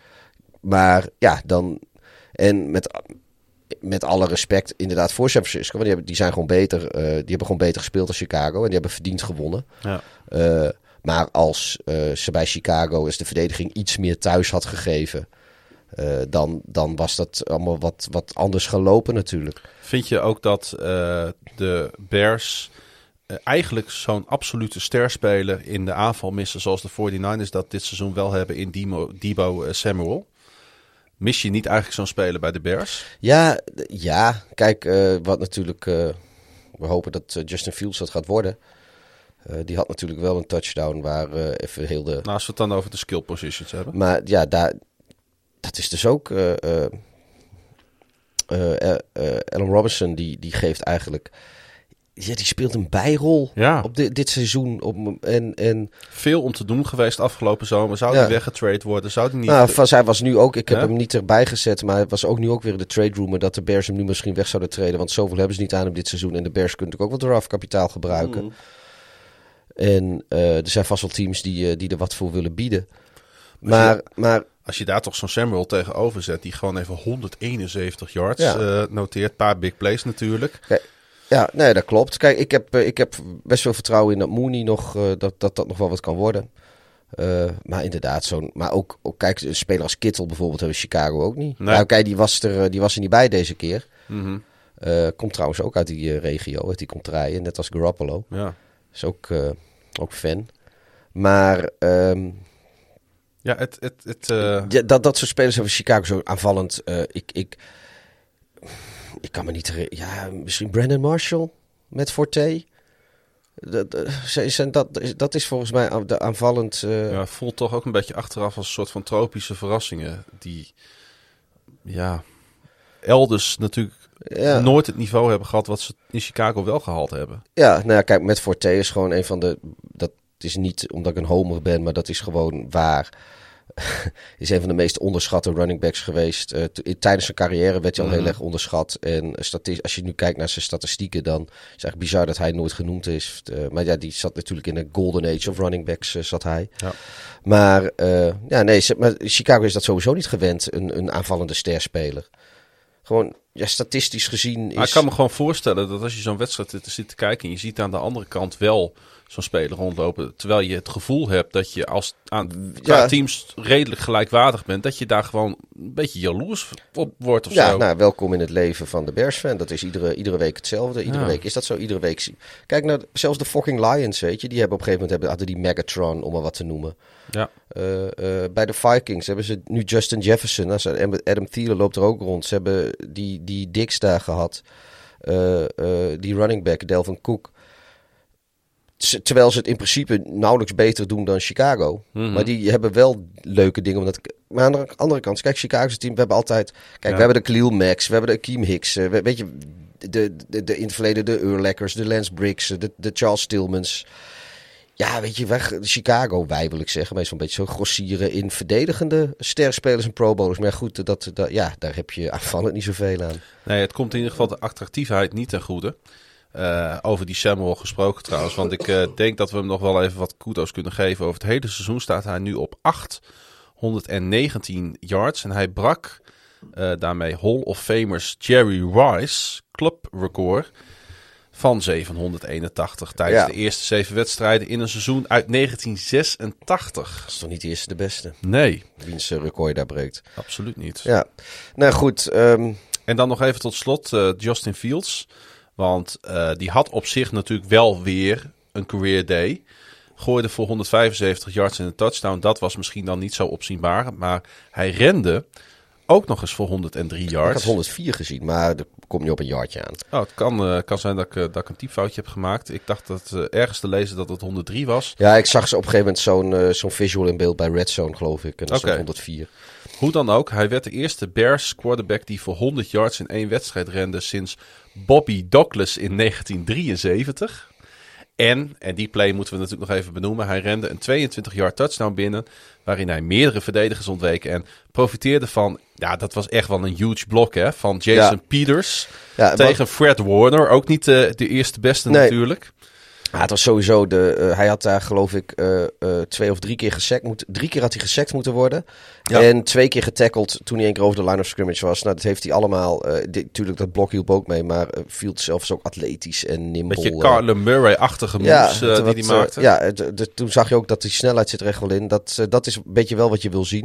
Het was natuurlijk geen design play of zo. Want Nee. het, het, het, het stort helemaal uiteen. En Maar zelfvermogen het oplossen, dat is Ja. natuurlijk, het, eh, dat is natuurlijk het fijnste om als fan te zien bij een Ja. eh, quarterback. ik denk dat het stadion wordt ook helemaal gek. Eh, het was ook, Ja, toen hoorde ik die, die fans van de 49ers even niet. Maar ehm, ja, weet je, weer en dat, ja, ik zeg dat iedere week en het is misschien een beetje saai, maar ik, ik kijk dus alle wedstrijden van de Bears en ik zie, en ik zie gewoon, ja, bij, ik zie Fields, weet je, het, het, het, het, komt wel. Ik heb er nog steeds wel vertrouwen in. En die interceptie ook, dat, hij gooit er wel een interceptie en dat is dan wel weer, kun je zeggen, ja goed, wel weer interceptie, want ondertussen heeft hij er volgens mij zeven of acht dit seizoen. Maar weer gewoon een bal die Mooney had moeten vangen en Mooney vangt hem niet. Die gaat door de handen van de receiver en die wordt, ja, en dan staat er achter staat. Het is een interceptie en hij staat erop en het is kut en eh, eh, eh, het hoort niet. Maar het is niet per se alleen de schuld van de quarterback. Ook hier weer niet. Wat ik trouwens wel echt een bammer vond, is dat volgens Santos Ja, de extra point mist. Dus iedereen helemaal in de euforie. ja Het hele stadion gaat uit zijn dag. Iedereen is elkaar nog aan het zoenen en omhelzen. En wat doet de kikker? mist. Ja. Die mist de extra point. ja. Terwijl hij heeft nog wel steeds de, de langste active streak voor field goals staan eh, in de NFL. Ik geloof dat hij op 37 of 38 staat. Maar Ja. die extra point eh, heeft hij wel gemist. Het is maar goed dat het eh, de Bears niet de wedstrijd kostte. Nee. Ehm, want daar zorgden ze zelf wel voor. Na rust. De 49ers die hosten Arizona. En de Bears die bezoeken Pittsburgh op maandag. Ja, wat, eh, wat gaat, eh, ga- gaan ze dat wel winnen dan? Eh, laten we het toch alsjeblieft hopen. Ja, ik denk, aangezien je Detroit daar is heel makkelijk... die, Over twee die- weken. Ja, die geef je heel makkelijk de overwinning op Pittsburgh. Nou ja, als één van jullie daar wint, dan ben ik jullie divisie zeer, dan, zeer dankbaar. En laat het dan, nou, laat dan het, het jou Alle- laat het dan allebei maar zijn. Ik denk wel dat iedereen van Pittsburgh kan winnen en verliezen dit seizoen. Zo'n Ja. team vind ik het echt. Ja. Hey, eh, in die, eh, laten we dan nu eh, overhoppen naar de divisie van de 49ers. Eh, waar de LA Rams, en daar hoeven we het niet al te lang over te hebben natuurlijk, speelden met de Houston Texans. Kwamen met 38-0 voor. Maar wonnen uiteindelijk met 38-22.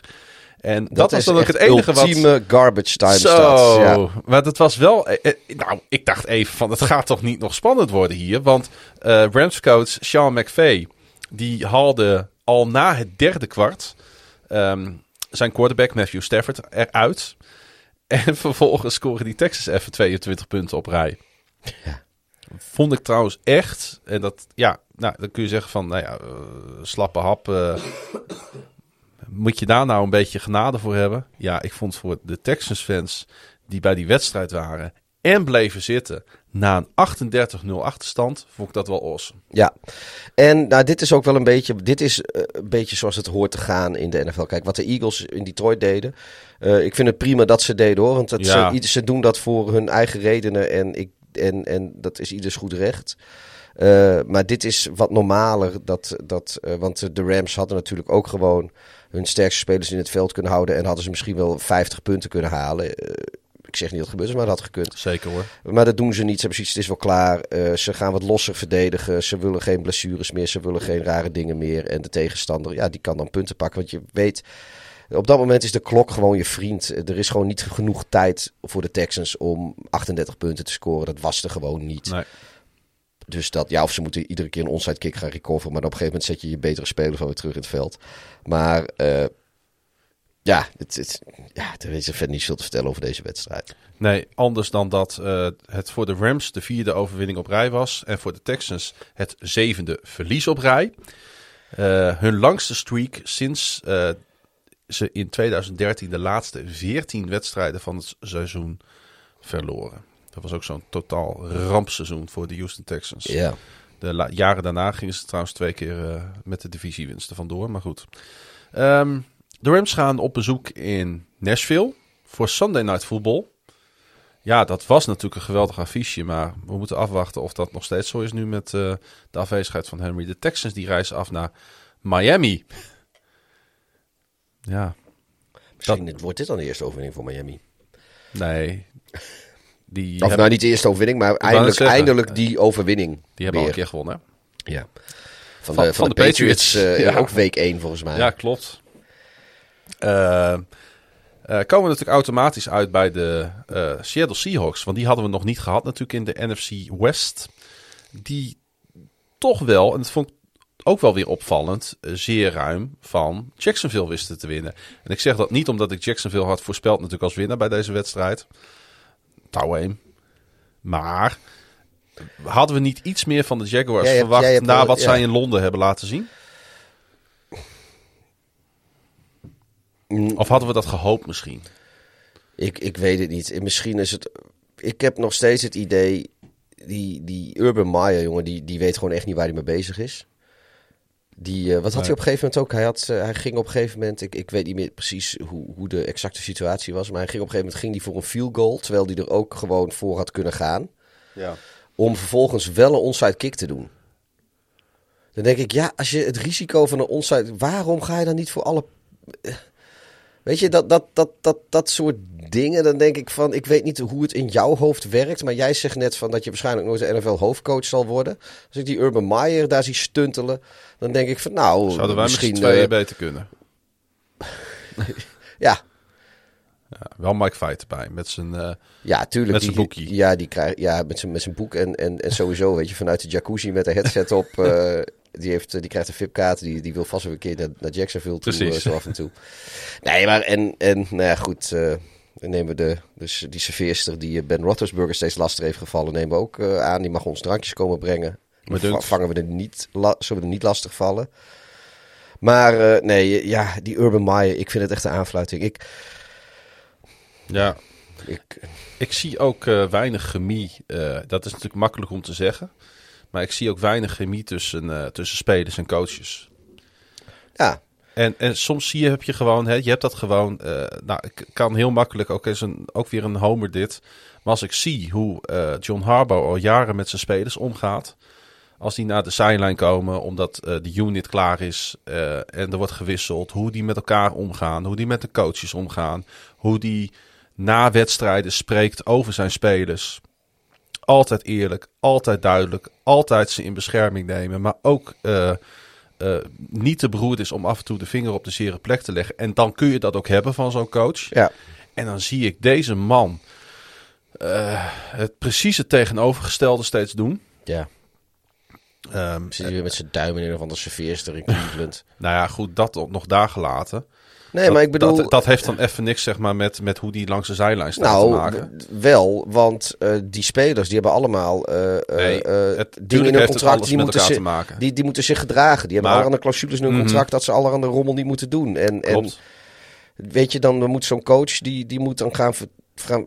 Ja, die, die is gewoon niet geloofwaardig. Nee. Maar het is toch sowieso ook gewoon los zand. Ja, dat, dat, komt door dit soort dingen, Ja. weet je. Als, als, als je de... Als je, Er Ja. lukt gewoon nee. niets. Als je gewoon geen, eh, geen stabiel leiderschap hebt en geen respect voor, eh, voor, voor het leiderschap, dan is er ook al minder onderling respect. En dan, ja, dat, dat is een soort, soort eh, ja, een neerwaartse spiraal, een ketenreactie, kettingreactie. Dan hebben ze daar nog één speler rondlopen die zich een beetje onttrekt aan alle malaise. Dat is running back James Robinson, wat ik echt een hele fijne speler vind. En eh, die valt dan al na één kwart met een hielblessure uit. Dus dat is het ook weer een gevalletje, alles zit tegen. Hè? Ehm, ze waren natuurlijk hard op weg naar een shutout, de, de Jaguars. Maar uiteindelijk wist Trevor Lawrence toch nog in het vierde kwart de bal bij Jamal Agnew te krijgen. Ook trouwens een van de lichtpuntjes bij de Jaguars. Ja. En ehm, eh, het was eigenlijk voor de, voor de Seahawks wel lekker, hè? Want die, het lijkt er toch heel sterk op dat die over twee weken misschien al wel eh, Russell Wilson terugkrijgen. Ja, dan was deze overwinning eh, was in ieder geval broodnodig om toch Nou ja, nog ja. eventueel erbij te komen dit jaar. Maar ook gewoon als je, als je, maakt niet uit wie, wie de quarterback is, ook al ben jij of ben ik het. Als je van, van Jacksonville verliest, dan eh, kun je ook wel gewoon gaan inpakken. Ja, want ook in eigen huis, hè. Ze waren gewoon op Lumen Field in Seattle. Mhm. Er waren natuurlijk heel veel, er waren heel veel felicitaties aan het adres van Gino Smith. Maar ik denk toch dat we nu niet moeten gaan doen alsof Gino Smith opeens een winnende quarterback voor de Ja, eh, Seattle Seahawks Als je is. iedere week tegen de Jacksonville Jaguars Precies. mag spelen, wel, maar eh, niet in de echte wereld. Hij had een career best completion percentage. Dat is dan ook wel weer leuk. 83,3% En eh, de grote man in de aanval van Seattle was weer eens DK, DK Metcalf. Ja, Dat was natuurlijk ja, wel weer fijn om naar te kijken. Eh, ik heb eh, ja, verder ook niet zo heel veel over deze wedstrijd te zeggen. Jij wel? nee, we gaan... Oh, er kwam iemand weer in de... Mike Holmgren, Ja? in de Ring dat, of Honor. Zullen we dat nog even snel vertellen? Mike Holmgren kwam in de Ring of Honor. Ja, Eh, de voormalige coach Michael Holmgren. ja, Hij werd geïnaugureerd in de Ring of Honor. Zo heet het daar dan weer. Van de franchise. Holmgren is de veertiende persoon die deze eer ten deel valt bij de Seahawks. Hij coachte Seattle van 1999 tot 2008 en bracht zijn team in 2005 naar de eerste Super Bowl in de geschiedenis van de franchise. ja. Hij, van eh, de Steelers. Ja. Hij had een eh, record, eh, record sorry, van 86-74 in het reguliere seizoen en won met Seattle vijf keer de divisietitel. En ik zei het net, eh 14, 14 eh, personen slechts in die Ring of Honor. Eerder dit jaar werd al voormalig quarterback Matt Hasselbeck toegelaten. Was, eh, was ook de quarterback van de, van de Seahawks in die eh, Super Bowl in 2005. Stond hij daar. Hasselbeck heeft ook nog gespeeld bij de Tennessee Titans en de Green Bay Packers, volgens mij. Was hij Ja, de backup klopt. van eh, Brett Favre. Ja. Als ik me niet vergis. Niet dat hij daar heel veel gespeeld heeft, maar dat, dat was hij wel. ja. Hebben we toen, heb je het dan niet, hebben we dat niet de vorige keer ook al gezegd? Volgens mij wel. Wat? De, precies hetzelfde over hem, over Hasselbeck. Weet ik niet. Ik, Ja, maar dat geeft niet. Ik Ehm, weet gewoon wie Matt Hasselbeck is. Ik vind het altijd eh, leuk om dit soort eh, die, die ceremonies even te benoemen. Zijn toch een beetje. Hebben we het ooit al hebben we het ooit over Matt Hasselbeck gehad dan in de podcast? Want die is Ja. al lang niet meer actief. Ja, vraag maar aan Frankie. Frank, Die weet alles. Frank eh, wij verwachten morgen antwoord hierop in onze groepchat op WhatsApp. Jacksonville host Buffalo. Makkie. En Seattle heeft een bye. Ja, is, dat net, is deze keer wel een, een echte, echte buy? Ja, nu is het echte bye. Want zij, eigenlijk hebben ze er net één gehad natuurlijk. hey, ehm, eh, laten we eens even gaan doorscrollen naar de AFC. Want daar stond een geweldig affiche op programma. En alles wat we ervan verwachten kwam ook uit. De Titans speelden tegen de Colts. Eh, ja, ik denk een van de leukere wedstrijden van het, eh, Ja. van het afgelopen weekend, hè? Ja, het leek. het was ik kon even niet met ogen knipperen. Of de Titans die leken al eh, onoverbrugbaar achtergezet. Want die stonden binnen no time 14-0 achter. Ja, dat ging heel snel, hè? Ja, dat. eh, maar je kan eh, altijd eh, wens vertrouwen dat hij wens is. Mhm. Laat wens maar wensen. Dat is waar.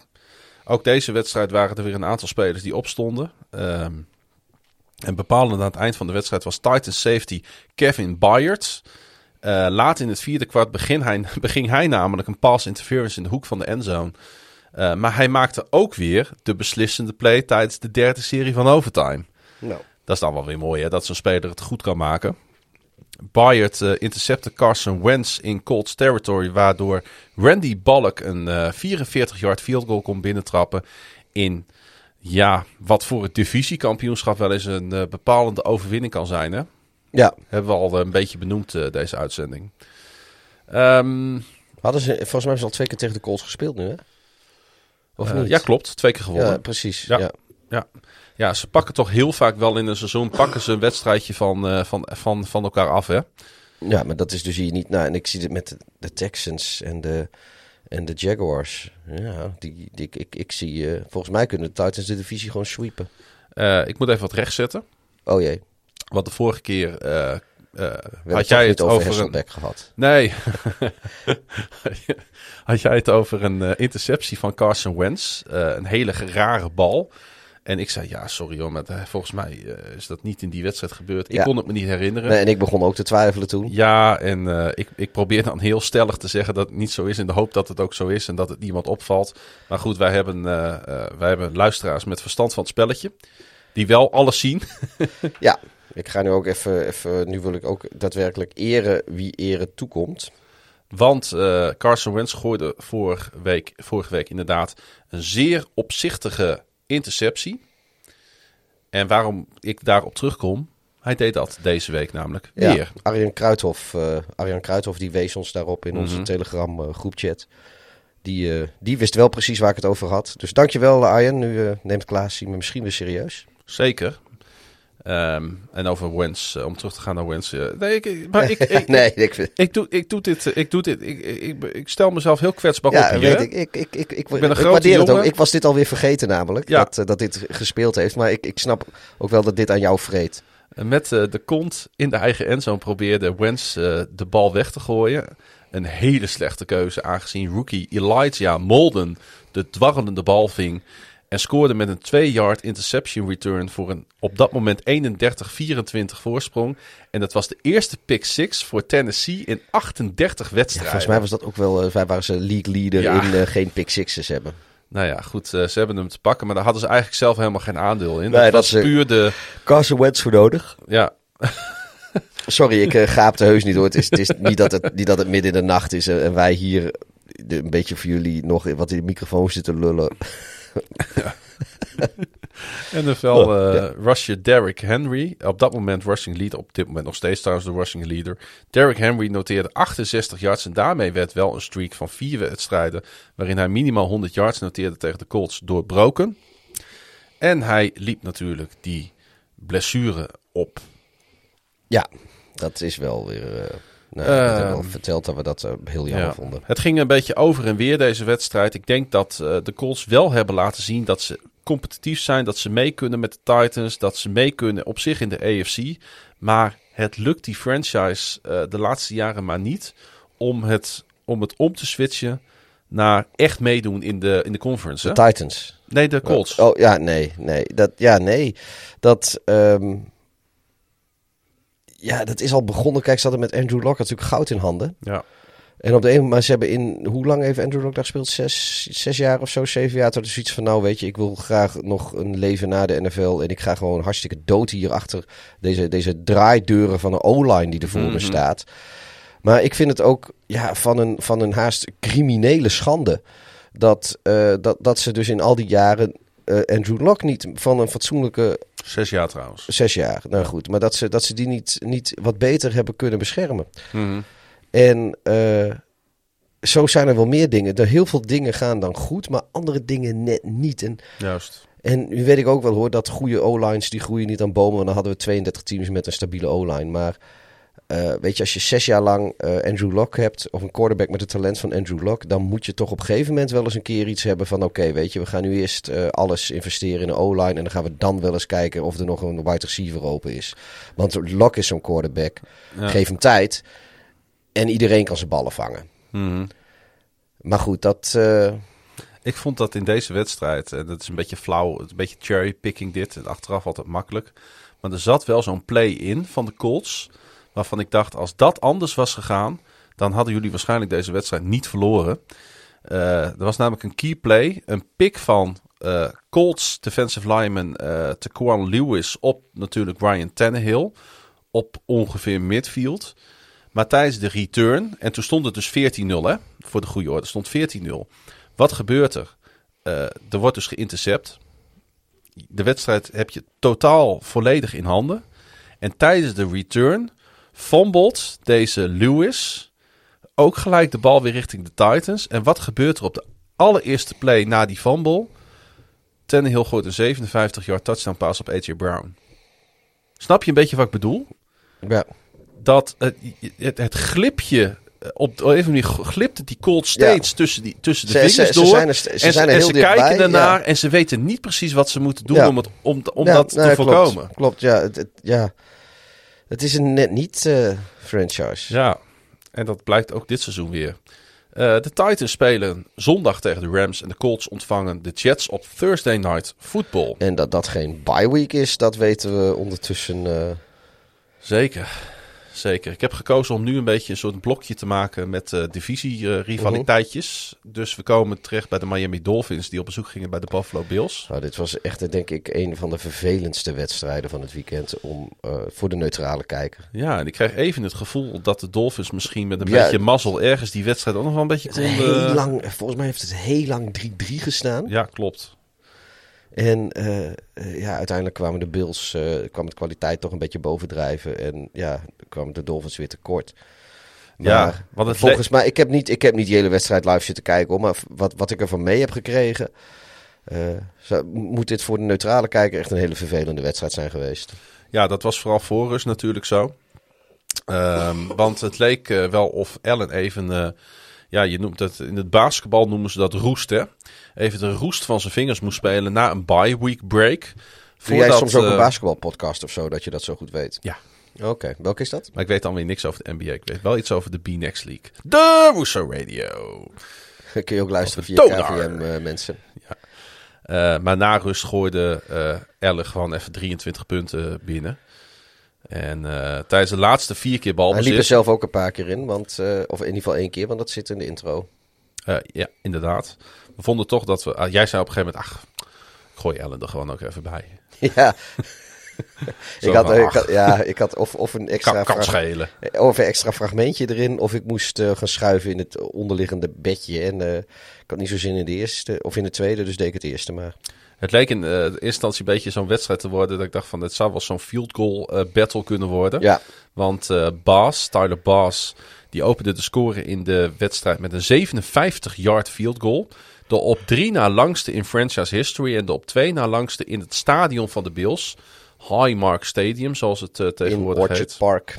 In Orchard Park, vlakbij Buffalo. En uiteindelijk dus, ja, ik ga het gewoon zeggen, toch wel een makkelijke overwinning voor de Bills. Ja, En Tua, ja, helft van zijn passes kwam ongeveer aan. Hij gooide ook een interceptie, kwam ongeveer op een 200 yards out, uit. Heeft nu ook geen winning record meer, want staat nu op zijn hele carrière op 7-7. Ja, de glijdende schaal is al ingezet en waar gaat hij stoppen? Dat is een beetje de vraag. ja. Ik, eh, ik wil zo graag een Tua Truther zijn. Ik ook. Ehm, want ik denk gewoon met spelers als Tua, als die spelen hun potentie, is de NFL leuker. Ja. Maar eh, ja, op dit moment mag het gewoon echt niet zo zijn.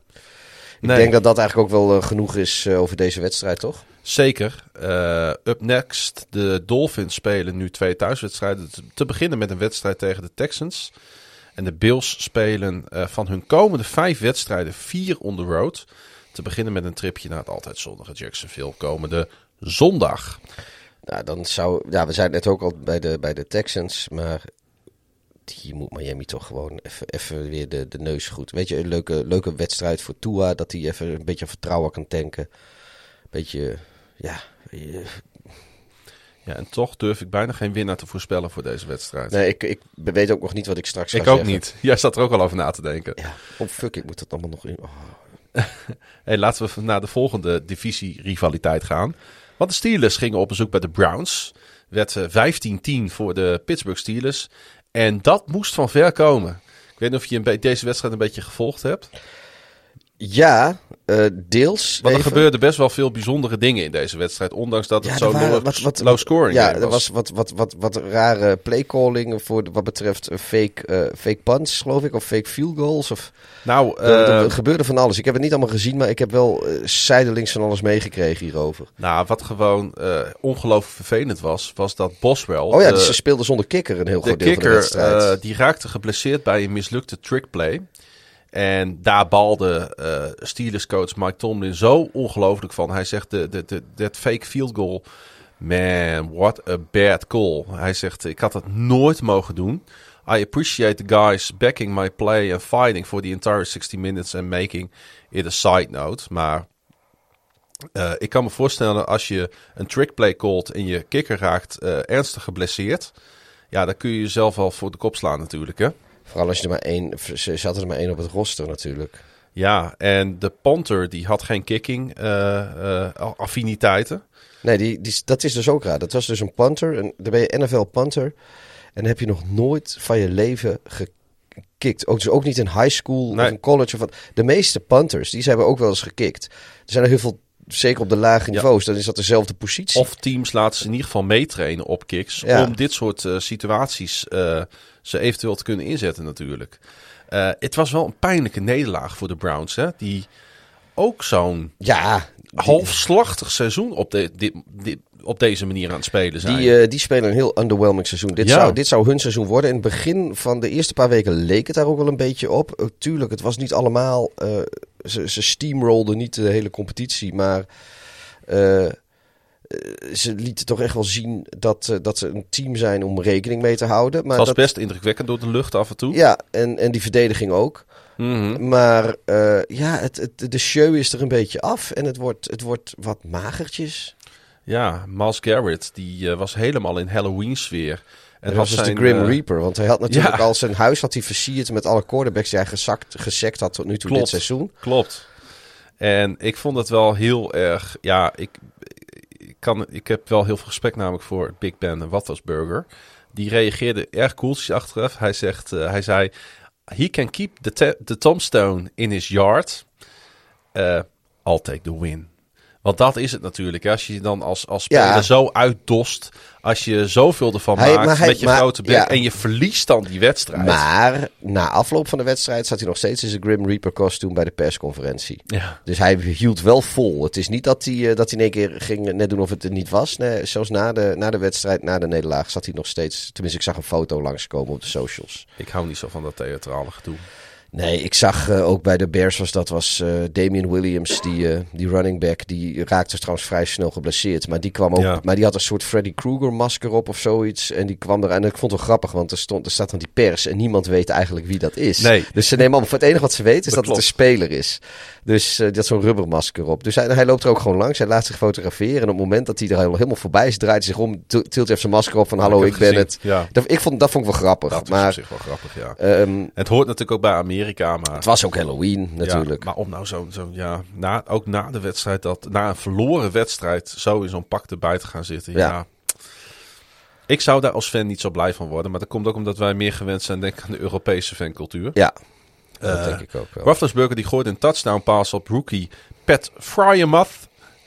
Gave naam, hè? En rookie uh, Najee Harris rende een score binnen na rust. Die blijft ook gewoon eh, constant presteren. En eh, het bleef ook twee keer bij zes punten, omdat de two-point conversions niet lukten. Ja. Omdat ze dus niet, niet meer konden kicken. Ehm, ehm, eh, het was trouwens echt niet zo dat de Browns geen kansen hadden, deze wedstrijd. Eh, maar er ging echt heel veel mis. Jarvis Landry, die verantwoordelijk was voor een kostbare fumble aan het eind van de wedstrijd. ja, eigenlijk alleen maar koude handen had. En eh, ja, er gaat gewoon veel mis bij Cleveland, waar er ook soms veel goed gaat. Het is een beetje het team van eh, diepe dalen, hoge pieken. Ja, maar ze zijn dus al met al gewoon niet eh, de AFC powerhouse die ze hoopten te zijn. Waarvan ik in elk geval voorspelde dat ze misschien wel eens konden worden. Maar ook waar het in het begin van het seizoen wel op, op uit leek te draaien. Ja. en dat is... Ja, weet je, ik, ik lig daar verder niet wakker van. Maar ik vind het ergens ook wel weer lullig voor die fans in Cleveland. Want het is, ieder jaar worden ze gehyped. Niet alleen door hun eigen fans, maar ook vooral door de media de laatste paar seizoenen. Ja, wij Dit seizoen eindelijk- Wij deden daar ook wel een beetje aan mee. Dit, dit seizoen eindelijk leek het terecht te zijn. En dan weer alsnog eh, is het... eh, ja, ik, ik denk, ben een beetje bang. Misschien ben ik wat voorbarig. En dat hoop ik eh, voor iedereen die Cleveland een warm hart toedraagt. Maar ik ben bang dat ook dit seizoen weer in tranen gaat eindigen. Roethlisberger, die eh, vond ik toch wel knap. Eindigde op 266 yards, waarvan 193 in de tweede helft. En eh, hij heeft toch eh, met zijn ervaring en het ontbreken van die kikker toch wel een beetje voor mij die wedstrijd eh, gewonnen. Up next, de Steelers. Hebben komende maandag, de, De- oplettende luisteraar had het al gehoord, een late night date met de Chicago Bears. De Bears. En de Browns die blijven in de divisie met een uitwedstrijd in Cincinnati. En, lieve luisteraars, Cincinnati, die verloren in New York. Voor Op mij, een bye week. eh, ja, voor mij de absolute, eh, en, en dat gaat echt niet om de uitslag. Ik vond dit absoluut de wedstrijd van, eh, van het weekend. Ben je het daarmee eens? Of, Ja, ik heb er wel... Ja, weet je, dus, dus het, het, het, was een, een want soort- hier zat ja, wel echt alles in. Hier zat hè? echt heel veel in. Heel veel dingen die de NFL mooi maken zaten in Ja. deze wedstrijd. Vooral natuurlijk de comeback. Ja, En Kiel die gaf ons via de Twitters al een hint. Hij zegt eh, iets eh, met eh, 400 plus yards en bier.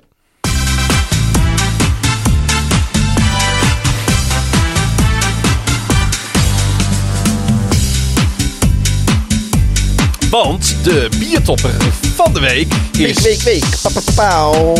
de quarterback van de New York Jets. En eh, Je hoort hier ook een green white. nee, eh, hij heet niet Green White. Het zou, toch mooi zijn, het zou toch mooi zijn als hij eh, green white zou heten. Ik moet zeggen dat ik ook weer even wakker word geschud. Ja, ik, ik ook. Goed. Green white zou een goede naam zijn. Eh, ja, eh, er was natuurlijk een andere quarterback vorig jaar bij de Jets. Die heette Green. Ja, Vandaar. Ehm, ja, de grote vraag is natuurlijk: steeg hij boven zichzelf uit? Of is hij misschien stiekem wel een hele goede NFL-quarterback? Het is natuurlijk heel lastig om daar nu even een eh, genuanceerd antwoord op te geven. ik, ik denk wel dat, dat we wel gevoeglijk vast kunnen stellen dat hij boven zichzelf uitzegt. Want ook al wordt het een hele goede quarterback, dit wordt, is vast niet zijn- vloer. Weet je wat mooi was? Dat hij na de wedstrijd zei: Ja, ik stond ook van mezelf te kijken. wat, heb ik nou, wat heb ik nou Wat heb ik nou gedaan? En hij, hij zei ook van, hoor ik dat nou goed? Zijn de mensen mij aan het toejuichen? Hè? Wordt mijn naam gescandeerd?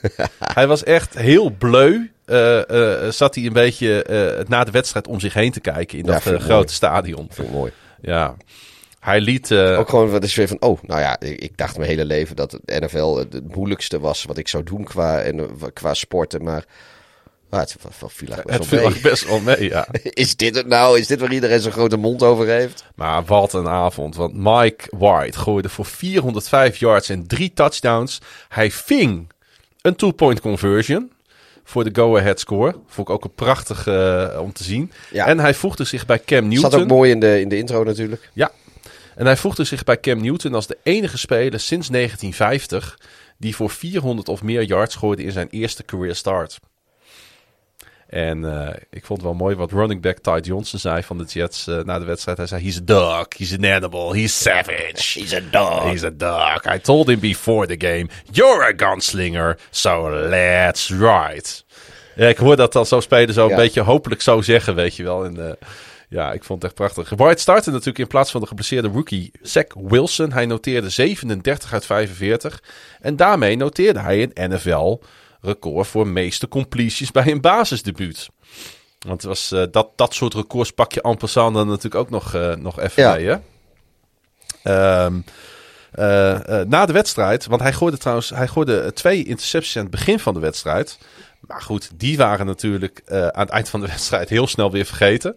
Het regende namelijk records. Zo werd hij de eerste 400 yard passer sinds Vinny Testaverde. Is dat niet een voormalig, Voormalig Who's That- Who's That Man? Ja. De Vinny Testaverde die de allereerste touchdown eh gooide eh, voor de Baltimore Ravens. Weet je nog? Testaverde was het. Testi, Testaverde, je hebt gelijk.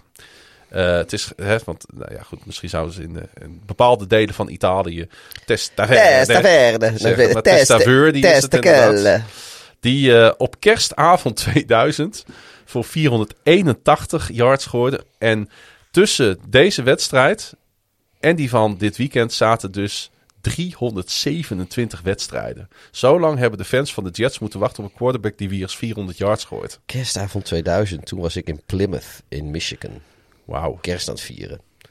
Dat was, eh, volgens mij ging ik, eh, ben ik die, eerder die dag, ben ik volgens mij bij Bears at Lions in Pontiac Silverdome geweest. Dat kon wel eens, eh, volgens mij was dat 24 december eh, 2000, zoiets. Maar het, was goed, zijpaadje. Nou ja, ik snap het wel. Als je een bepaalde associatie toevallig met deze avond hebt, dan kan ik me voorstellen dat, je, dat het even oppopt. Eh, voor mensen die zich nou afvragen waar deze White vandaan komt. ehm, hij was ooit vijfde ronde pick van Dallas in 2018. En de voormalige speler van eh, Western Kentucky had tot vorige week nog nooit een paas in de NFL gegooid. En hij heeft de kans zich opnieuw te bewijzen. Donderdag alweer. Thursday Night Football tegen de Colts. Eh, maar het was natuurlijk... eh, eh, nou, ik moet eerlijk zeggen, ik zat Red Zone te kijken. En toen werd het op een gegeven moment 31-20 voor de Bengals. Toen dacht ik, ja, dit is gespeeld. Ja. Hoe gaan de Bengals in vredesnaam een 31-20 voorsprong in het vierde kwart weggeven? Tegen de Jets. Tegen de Jets. Dat gaat gewoon niet gebeuren. Nee. En toen ving Johnson die acrobatische touchdown met die tiptoe langs de zijlijn. Eh, en toen dacht ik opeens, nou, 31, 26, 4, 36 te gaan. Oké, nog steeds niet al te veel aan de hand voor, eh, voor de Bengals. En voor de manier waarop die dit seizoen spelen. En de manier waarop Burrow speelt. Ja, en toen kwam die, de eerste interceptie van de Jets eh, van dit seizoen. En die kon natuurlijk niet op een beter moment komen. Want Shaq Lawson, die vlekte een paas van Joe Burrow. Hij wist de bal ook zelf te vangen, waardoor New York de bal op de Bengals 14 kreeg. Ja, dat is natuurlijk wel een hele fijne uitgangspositie. Twee plays later vond White een wide open Tyler Croft voor een eh, voorsprong van één punt. Volgens mij zat hij ook in de, in de, in de, in de intro. Croft, voormalig speler eh, van de Bengals trouwens. Daarna volgde een soort Philly special. Hè? James, Jameson Crowder vond eh, eh, de White Ja, open voor die, eh, voor die wide. two-point conversion. Voor ja. die two-point conversion. Toen stond het 34-31.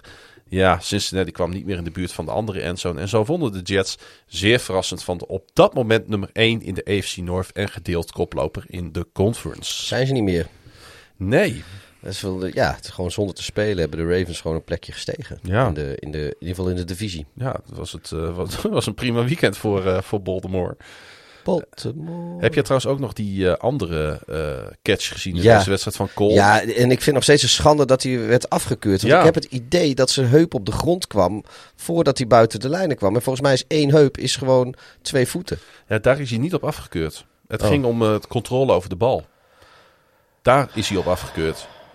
Niet genoeg controle over de bal. Maar met, met, ja, met een one-handed grab à la Odell Beckham Jr. eh, ving die die bal.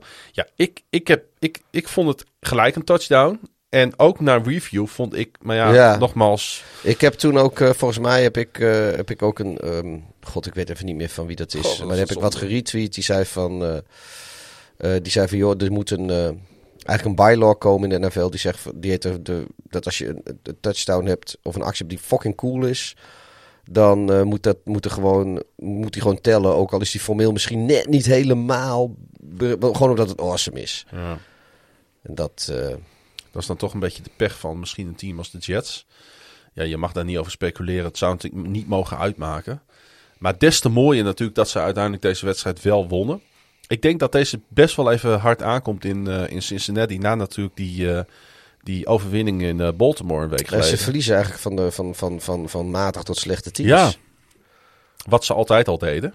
Ja, alleen ondertussen winnen ze het wel van goede teams. Precies. En ja, ik bedoel, je, het rijtje teams waar, waar ze van verliezen, dat is natuurlijk niet iets om trots op te zijn met de Jets en de Bears en de Packers. Nee. Goed, de Bengals hosten uh, AFC North rival Cleveland. en de Jets die spelen donderdag dus alweer in Indy. Hey, we hebben nog twee wedstrijdjes te gaan, uh, Pieter. Ah, nou, Valt mee, we zijn ja. er bijna doorheen. Ik zat heel even, oh ja, dan komen straks de Ravens ook nog, maar die hebben niet gespeeld. Nee, dat scheelt weer hè. Ja. De Buccaneers at the Saints, 27-36. Ook een leuke wedstrijd trouwens Zo. hoor. Dit, uh... Uh, wat ik vooral van deze wedstrijd vond, en dat vind ik eigenlijk altijd wel bij thuiswedstrijden van de Saints, is heeft ook wat met dat publiek, met die dome, ja. met dat lawaai te maken. Zeker met, uh, met Halloween een beetje, want ja. gaan ze ook allemaal verkleed. Ik heb daar toen ook... Uh... De, de energie en de spanning die spatten er vanaf. En de Saints bleken eens te meer toch een moeilijk te verslaan team, hè? Je kan van ze winnen, maar je kan net zo goed van ze verliezen. Amen. Ja, ja. Weet, ja. Je, de, weet je, er is één ding zeker in de NFL. De bal is niet rond. nee, precies. nee, maar jezus, wat dit is het niveau daalt nu echt. hey, even over die wedstrijd dan. Ja. Uh, ja, het was dus op Halloween. En uh, er, zitten, er zijn er heel veel mensen verkleed in, uh, in New Orleans. Ik, ik ben er een keer geweest uh, met Halloween. Ja, oh, sorry, ik zeg wel over de wedstrijd, maar het is gewoon absolute bullshit. Ik kom gewoon met de anekdote. Toen ik de Bears heb zien verliezen in, in New Orleans, was ook rond Halloween. Ik heb toen met Lennart, dat was een, is een vriend van mij, die, die was ook mee. Die was, we hebben toen kostuums gehuurd bij een of ander kostuumverhuurbedrijf. En dat heb je daar, want carnaval en dingen, dat is daar gewoon best wel groot. Dus je hebt... Mhm. En wij er naartoe, dat was op loopafstand uh, volgens mij van het hotel waar we zaten. Wat, ik had het op, op Google, had ik dat gevonden.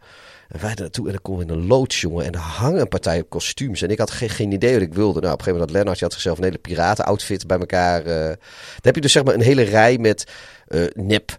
Uh, of piratenhoeden. En dan broeken en jassen. En weet je, alle kledingstukken hadden zo van een thema hadden weer eigen Het was een soort supermarkt voor. voor en, en het was niet van dat goedkope carnavalspul wat je hier koopt. Het was echt hoge kwaliteit spul, want het was huren. Je moest het daarna weer terugbrengen enzovoort enzovoort. Mm -hmm. En ik had, ja, ik wist niet, dus toen ben ik als mummy verkleed gegaan. En ik, ik, ik er zijn wel foto's van, zeg fucking awesome. Ik was helemaal onherkenbaar. Ik had ook, ik had ook zo'n zo, zo lap, zo'n zo ding voor mijn, uh, voor mijn hoofd. Dan liep ik op een gegeven moment ook mee de, de drogisterij binnen. Toen werd ik door een bewaker bijna bij kans neergeschoten. Want ik had even niet door dat ik, dat, dat ik onherkenbaar die, wing, die, die ding inliep. Die dacht dat jij een pak wc-papier gejat had natuurlijk. ja, en ik weet ook nog dat ik op een gegeven moment ergens in, de, in een bar tegen kwam. Er gingen mensen met me op de foto, omdat ze dat kostuum zo tof vonden. Zo'n foto met stormtroopers en dat soort spullen foto's staan. Maar ik weet ook nog dat ik, zei, op een gegeven moment zei ik tegen zo'n meisje in de bar van... I may be a mummy, but I'm also your daddy. dat, dat, en ik vond mezelf zo grappig. En dat meisje echt zoiets, wat, wat, wat een fuck gast. Maar eigenlijk vond ze het daarna ook wel heel grappig. En het was, ja, het was gewoon een hele leuke avond. En nou ja, dat, uh, tot zover deze wedstrijd. Ja. Ingewikkeld verhaal. Ja. Letterlijk. Goed. Um, het leek uh, nadat uh, James Winston de wedstrijd uh, geblesseerd moest verlaten, even op dat de Bucks erover en, erop en erover zouden gaan. Een beetje hetzelfde idee als wat ik bij de Bengals had. Van nu, nu, gaat, het, nu gaat deze wedstrijd deze kant op. Maar ja, met een krachtsinspanning van met name die verdediging in, in New Orleans. kwam Tom Brady toch echt bedrogen uit. Want met nog bijna twee minuten op de klok kreeg hij de bal. En dan weten de meeste volgers van de NFL natuurlijk al hoe laat het is. Hij gooide de bal echt recht in de handen van PJ Williams. Ja, die heb ik dus ook maar inderdaad in die intro gezet. Want dat was best wel een opvallend moment van ja. dit weekend. Dit, uh, zo kennen we Tom niet. En het was ook niet een interceptie een klein beetje off the radar. Of uh, nee, getipt nee, en nee, pech. nee het, het was echt gewoon het even een, een, een, een hersenscheet. Uh, zeg maar. Zo. Hij, uh, en dan heb ik het over PJ, PJ, PJ Williams. Hij rende de bal voor 40 yards terug voor een score. Een goede initialen trouwens, uh, PJ. Ja. Want, maar uh, ga verder. Dat is een beruchte en beroemde bar in Detroit waar wij ongetwijfeld ook nog wel even Ja. gaan belanden. Maar dat was natuurlijk op dat moment was dat het einde van de wedstrijd. Winston blesseerde zijn linkerknie bij een scramble in het tweede kwart toen hij getackeld werd door voormalig LSU-sterspeler Devin White die een vlag tegenkreeg voor een horse, horse collar tackle. Ik vond het echt, echt, echt een schandalige overtreding. Ja. En als een quarterback dan zo geblesseerd raakt, en dat is natuurlijk lastig inschatten. Einde Uh, seizoen, dus weten we ondertussen. Ja, uh, moet je dan niet als scheidsrechters onmiddellijk dan voor een ejection kiezen? Is dan een 15-yard penalty niet veel te weinig? Als je zo moedwillig je tegenstander... eh, want horse collar, dat, dat doet wat met je lichaam, hè? Als je Ja. die tegenkrijgt. Ja, dat, dat, ja, dat is gewoon... Het, het trek je- Maar, maar goed, weet Dat je, trek kijk... je dus aan de, aan de nek, Ja, aan de boorden van de jersey... van achter. van achteren of bij het Ja. haar of bij de jersey, Ja. trek je een speler moedwillig naar, eh, naar de grond. Wat gewoon bijna altijd ook eh blessure le- ja, dat oplevert. komt omdat de, de speler is eh, op dat moment eh, voorwaarts aan het bewegen. Precies. En jij je trekt hem eigenlijk achterwaarts. En jij, dat, doet gewoon rare dingen in je lichaam. Je hebt niet zoveel controle over hoe je valt. Mhm. enzovoort. Het, het is een reden dat het niet mag. Wat ik wel een, een, een grappig, zeg maar, een, een grap, grappig moment vond bij, bij een ongelukkig moment... is dat eh, na de wedstrijd James Winston op krukken in de kleedkamer mee stond te dansen met de muziek. Klopt. En met zijn krukken stond te zwaaien. Dat vond ik op zich wel grappig. Maar, Met eh, Mark Ingram, als ik me niet vergis. ja, maar ik denk wel dat eh, de kater komt later. En ik denk Ja. dat, eh, dat eh, waarschijnlijk wist Winston. Ik weet niet of hij op dat moment wist de, de, de, de, de echte ernst van de blessure. Hmm. Ik, een, ik kan het me aan de ene kant niet goed voorstellen dat je dan zo vrolijk meefeest. Omdat, eh, ja, als ze geen quarterbacks hebben in New Orleans, heeft deze overwinning niet zo gek veel te betekenen. Want Ja. dan wordt het een lastig verhaal. Want Taysom Hill is natuurlijk ook nog steeds kapot. Ja. Ehm, ja, sowieso is Taysom Hill niet, eh, geen James Winston, vind ik. Maar ja, het, het, het, het, het leverde leuke social media filmpjes op, dat, dat dansen. Maar Ja, kijk, ja, dat je joh, deze- dit is wel... Potentieel is, stopt hier het seizoen van de Saints. Ja. Zelfs al zou bijvoorbeeld, wat we zeiden, Philip Rivers nog opkomen dagen. Eh, dat is geen enkele garantie. Eh, ik, ik denk dat ze li- liever het seizoen afmaakt met een fitte James Winston... dan met, eh, ja, dan met een vanuit pensioen teruggekeerde Philip Rivers. Zeg ik nu. ja. Toch gaan ze hun wedstrijdjes ongetwijfeld ook met Trevor Simeon gewoon winnen. Want overall staat er echt, echt gewoon een heel goed team in, eh, in New Orleans, nog steeds. En ik dacht dat ze maar vijf keer zouden winnen dit seizoen. Volgens mij hebben ze dat nu ondertussen al zo'n beetje. Vijf keer Ze staan nu op 5-2. Ja, Ja, dat is gewoon knap. Zeker goed, in het deze, kan, ze kunnen vanaf nu nog alles verliezen. Zeker divisie. In deze sterke divisie vind ik het toch een hele knappe eh, Ja. prestatie hoor. Die, eh die Simeon die viel aardig in. Hij was zijn laatste starts die dateren uit 2016 en 17 voor Denver. Ja, we gaan zien ja, of hij zo'n mannetje kan staan daar eh, in eh, New Orleans voor de Saints. De Buccaneers die hebben een bye. En reizen daarna af naar Washington. De Saints hosten Atlanta komende zondag. En gesproken over de Atlanta Falcons. Dat is de laatste wedstrijd die we nog eh Ja. eventjes moeten bespreken. Die waren gastheer voor de Carolina Panthers. Ja, ontzettend rommelig duel Ja. in Atlanta. Die eigenlijk ook best wel eh, met terugwerkende kracht karakteristiek werd ingeleid door Chubba Hubbard. Een van mijn favoriete namen. Die op, zijn, eh, ja, die op zijn eerste running play al een fumble eh, gerecoverd zag worden door de Falcons. En hoe slecht het dan ook begon voor, voor hem en de Panthers. Uiteindelijk stapten ze natuurlijk wel als winnaar van het veld. Wat ik vooral een opvallende stat vond uit deze wedstrijd, beetje, beetje, beetje, ook weer een beetje cherrypacking dit, maar Carolina rustte voor, rushte voor in totaal 203 yards. Ja, Dat is echt, echt, echt, dat is natuurlijk belachelijk veel. nou ja, ze hadden gewoon eh, meer rushing yards dan dat Atlanta passing yards had. En het verschil was niet eens klein, want er zit bijna 60, ja- is bijna 60 yard meer rushing Mhm. dan dat Carolina of dan dat Atlanta passing had. Want die zat ergens in de 140 eh, passing yards. Ja, het was echt dat van, ik echt bizar, vind ik dat. Ja, maar het was ook echt wel een hele beroerde wedstrijd van de Falcons. Die natuurlijk, waarvan we weten dat ze af en toe door die absolute bodem heen kunnen zakken.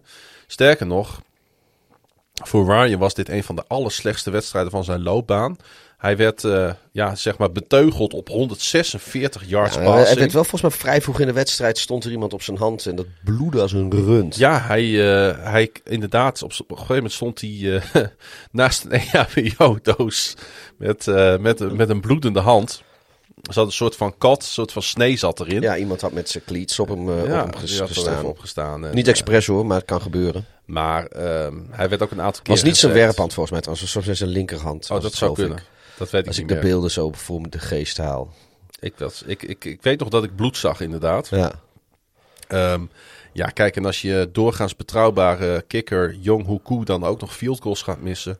Ja, dan weet je natuurlijk dat je ook gewoon tegen de Carolina Panthers een eh, hele lastige dag hebt. Ehm, er was meer blessureleed in deze wedstrijd, want Sam Darnold eh, viel ook uit. ja. Eh, voordat hij uitviel, had hij nog wel even trouwens voor 66 yards eh, eh, gerend. Is toch wel, het- is wel een lekkere mobiele quarterback, is het hè? Hij is dan misschien niet Ja. zo goed of Ja, zo. En ook niet door de lucht. Maar eh, Ja, ik, ik, ik, ik wil. Ik, ik weet niet wat het is. Ik- Misschien word ik oud en, en, en soft. Maar ook van Sam Darnold wil ik gewoon dat hij het, het go- goed doet. Ik, ik, weet je, ergens eh, hou ik wel zo van redemption story. Weet je, dat, dat die jongen die door iedereen was afgeschreven. omdat hij door de Jets en Gays een beetje ver, ver, ver- verkontjerd is. Dat hij, eh, dat, dat, dat hij het bij Carolina gewoon geweldig gaat doen. Ergens hou ik. Weet je, dat, dat, is, dat is iets dat wil ik graag zien. ja, ernstig ziek geweest ook in Ja. zijn carrière al. Mono, wat heeft dat ook? Is dat Ja, in Nederland heet dat ook ziek- mono? Of is dat een ziekte- vijver? Ziekte, Of? ziekte van vijver. En hij had dat eh, in zeer ernstige vorm. Ehm, ja, nu moest hij dan weer met een eh, hersenschudding, of in ieder geval met een veronderstelde, veronderstelde hersenschudding, moest hij het veld af. En wat ik wel, eh, wel lekker vond om weer eens te zien, is dat die Carolina defense weer eens van zich liet spreken. Met constante pressie op Matt Ryan en de Falcons. En Stefan Gilmore speelde zijn eerste wedstrijd voor de Panthers. Hij is overgekomen van de Patriots. En noteerde gelijk een interceptie. En zijn collega Shaq Thompson, die terugkeerde van de voetblessure ook. Dus nu ze eh, Gilmore terugkrijgen in die defensie, nu ze eh, Thompson terugkrijgen in die defensie, denk ik dat die wel weer wat beter gaan spelen. Ja. En dan natuurlijk het verhaal van ehm, deze wedstrijd, wat volgens mij tijdens de wedstrijd eh, bekend werd gemaakt door hem. Calvin Ridley, die stopt helemaal met American football. ja. Want eh, ehm, hij kan het niet aan. Even Nee. heel kort door de bocht. Hè, mental health issues. Het is, eh, nou, het is, het Nou is ja, niet, hij zo, niet zo, een break van ja, het is, het is niet zo Ja, definitief als jij zei. Hij, hij neemt in ieder geval ik even eh, moet het eh, goed zeggen. Kijk, we Ja. hebben natuurlijk allemaal friends gezien. We're on a break. Dus we, er kan van alles gebeuren, maar uiteindelijk kan je ook weer bij elkaar komen. Ehm, maar ja, het is eh, ja, dapper, maar wel onverwacht ook weer. Weet je, dat, dat ja. Ik vind het ongelooflijk onverwacht. Ik volg eh, de Falcons niet op de voet, maar dit was een die ik niet zag aan- aankomen. Ja, jij volgens mij ook niet. Nee, maar zo zie je maar weer dat eh, dit soort dingen kan iedereen overkomen. Ja. Goed, We eh, hebben het er eh, natuurlijk ja, eerder in de- al even over gehad met Ja. toen we over Lane Johnson van de Eagles hadden. maar niet dat dit het belangrijkste is. Maar dit is sportief is dit natuurlijk ook een vrij groot drama voor de Falcons. Ja, maar ja, nee, dat, dat, dat, dat is waar. Maar ik, ik denk dan toch dat eh, eh, ja, de gezondheid van, van zo'n Calvin Ridley, die... eh, Tuurlijk. ja, nee, de- ja, ik, Ja. en dat, maar dat is precies misschien ook wel... Weet je, nu ga ik even hier weer vanuit de zolderkamer in Groningen... ga ik even de, de psycholoog spelen. Want ja, waarom de fuck ook niet? we zitten hier nou toch. Ehm, maar die spagaat, zeg maar, die spagaat dat... dat de sportieve belangen van, van de, de Atlanta Falcons hiermee eh, benadeeld worden. Eh, terwijl de Atlanta Falcons, die Calvin Ridley natuurlijk gewoon een, eh, een, een, heel goed salaris bieden om, om een belangrijke rol te vervullen in dat team. Dat die druk die op hem ligt, op Calvin Ridley ligt, dat is misschien juist de oorzaak dat hij nu pauze moet hebben. Dat hij even, even de, de genoeg van heeft. En dat is natuurlijk een. een eh, Dat ja. hij constant de sterspeler moet zijn in een absoluut niet functionerende franchise. Dat is Nou, wat je even, eigenlijk even, zegt. nou, wat ik eigenlijk, nou, niet, niet eens dat, wat ik eigenlijk zeg is dat hij misschien eh, eh, wat twijfels heeft over, over, over, over wat, wat, wat, hoe hij op dit moment zijn leven invulling geeft of wat dan ook. Ik, er, weet je, er, er is hij zit niet lekker in zijn vel, maar hij kan niet de tijd voor zichzelf nemen om dat eh, een franchise, ongeacht welke het is of en, en hoe die functioneert, een franchise, eh daar voelt hij zich verantwoordelijk voor, is deels afhankelijk van hem. En die extra druk, waardoor. Kijk, als, als jij of ik ons niet, eh, niet goed voelen, dan, dan nemen we contact op met ons werk. Dan zeggen we, joh, ik meld me ziek. En dan ben je een poosje ziek. En dan, dan, dan weet je wel dat. dat dat, dat kan daar niet, hè? Dat, Nee. dat, dat, dat, dat werkt anders. Je hebt. Ja, je, bent je bent niet, niet een radertje in een, in een kantoor of wat dan ook. Weet je. je bent een sterspeler. En, en, en, en, ja, eh, hij begon een beetje, zeker nadat eh, Julio Jones vertrokken was, een beetje, de, een beetje de face of the franchise te worden. Dus ja, het was alle all eyes on him. En eh, ja, dat, dat, dat, hij, ja dat, dat, dat geeft denk ik zoveel druk dat, dat, dat de situatie even ergert. Maar goed, ik was niet eens bij, dus ik lul eigenlijk ook maar gewoon uit mijn nek. Maar weet je, Maar dit soort dingen kan ik me wel, wel voorstellen dat dit soort dingen meespelen dan. Dat het het extra lastig maakt. Ja. Wat ik vooral heel fijn vind, is dat dit soort eh, spelers hier nu eh, de ruimte voor voelen om dit dus openlijk bekend te maken. Ja, Want we hebben helaas, en dat, is, eh, dat betreft voornamelijk spelers die al eh, gestopt waren met Amerika voetbal. Helaas ook veel voorbeelden gezien van uh, Amerika voetbalspelers die naar een parkeerplaats rijden en gewoon een kogel door hun kop jagen. of door een borst, omdat ze hun hersenen beschikbaar willen stellen voor onderzoek. Ja, dus, eh, nou ja, dit, dit, dit- ik zeg dit niet om dramatisch te doen. Nee, maar dit, dit is gewoon echt waar. Ja. Eh, de Panthers die keren terug naar Charlotte om de Patriots te ontvangen. En de Falcons die reizen af naar New Orleans. We gaan voorspellen. Ja, want er is eh, dus geen Who's That Man deze nou, week. niet officieel, maar ik heb wel aan een. eh, daarom heb ik aan een aantal spelers eh, even wat extra aandacht Ja. besteed in deze aflevering. Dus we hebben een paar mini Who's That Mannetjes gehad. Ja, uiteindelijk zijn we ook niet zo heel veel korter als dat we normaal zijn. Maar de, onze voorbereidingstijd heeft, heeft er wel wat. daar hebben we, wel, hebben we wel tijd gewonnen. Dus jullie hebben net zoveel podcast voor je, voor je, voor je, nou, voor de betalende leden in ieder geval als voor je geld als normaal. Ja. En wij hebben wat, eh, wat extra tijd eh, kunnen pakken voor onszelf. We hebben vanmiddag al even eh, het eh, sommetje gemaakt. En, ik had, Gefeliciteerd, eh Klaas-Jan. één wedstrijdje meer, beter voorspeld dan jij dat had. Ja, we 8 tegen 7. Het was dus überhaupt niet zo'n hele goede voorspelronde. Nee, dat niet. Jij had, maar jij had dus wel de, de Jets volgens mij had jij had de voorspeld. Jets. Als ik het goed heb. Ik ja. zei dat ik nog nooit zo weinig getwijfeld had over de New York Jets als deze keer. En eh, ze hebben uit. mij niet in de steek gelaten. Vervolgens heb je wel gewoon de Colts, eh, heb je Tennessee laten verslaan. En Jacksonville, Seattle. Dus ja, weet je, dat, dat, dat, daar, uiteindelijk pak je het daar niet. Ja, ik vind dit echt heel smerig. ja, ik- Ja. Ik, ik, ik, ik ben een slechte verliezer. Ja, dat klopt. Dus dat, eh, goed. maar ik heb gelukkig om, om dit eh, deze week snel te kunnen vergeten, een nieuw, eh, nieuw rijtje gemaakt. Ja, want eh, we hebben de wedstrijden steeds al benoemd, dus we hebben ze al een beetje in het hoofd. Ja, en ik heb, ik heb ze ook al opgeschreven voor je. Heb jij alweer ingevuld? Ik heb, nou, ik heb in ieder geval de volgorde al, want dan heb ik dat vast klaar. Oh, je, hebt nog, je hebt nog niet je eigen... eh, Nee.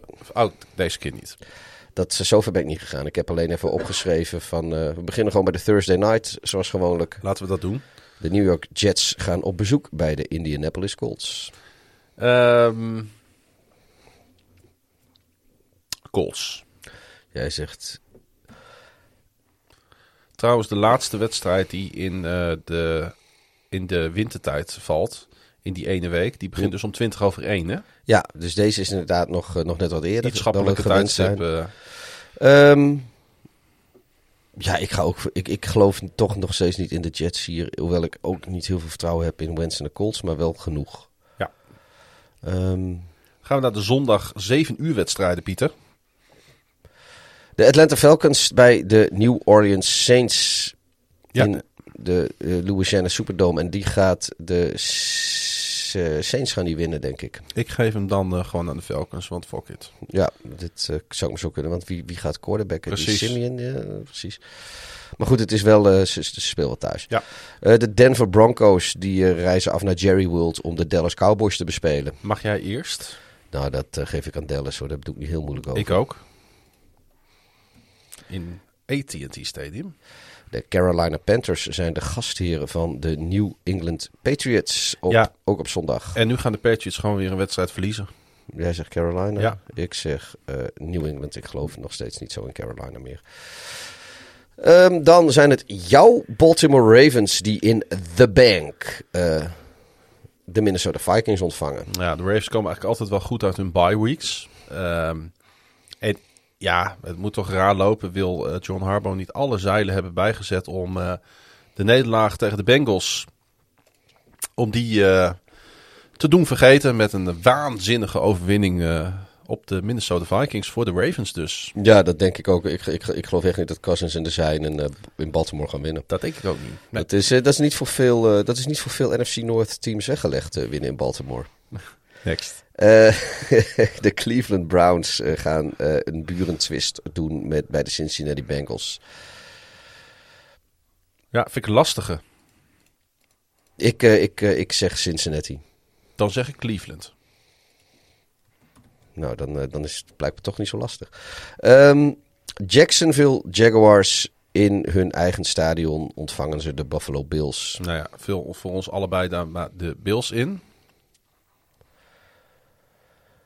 Eh, ja, laten we dat doen. Buff. Daar hoef ik niet zo moeilijk over te doen. Hè? Buff. De Miami Dolphins ontvangen de Houston Texans. Zal ik, eh, zal ik vertellen dat ik deze aan Miami geef? Gewoon, dit is mijn, mijn Tua eh, redemption story. Ik ook. Ik wil het wel spannend maken, maar De New York Giants ontvangen in East Rutherford, New Jersey, de Las Vegas Raiders. ja, de grote vraag is natuurlijk: hebben de New York Football Giants ons zand in de ogen gestrooid of niet? Eh, en wat, eh, eh, wat voor impact heeft natuurlijk het hele, hele Henry Henry verhaal, Ruggs ja. verhaal in Las Vegas? Dus dat, dat maakt dit toch ook wel weer een lastige pick, vind ik.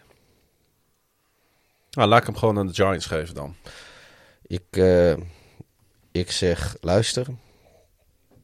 Iedere, iedere keer dat er een, een, een, tegenslag was in Las Vegas, hebben ze de rug gerecht en zijn zijn ze er sterker uitgekomen. Ja, En dan gaan ze dit keer wederom doen.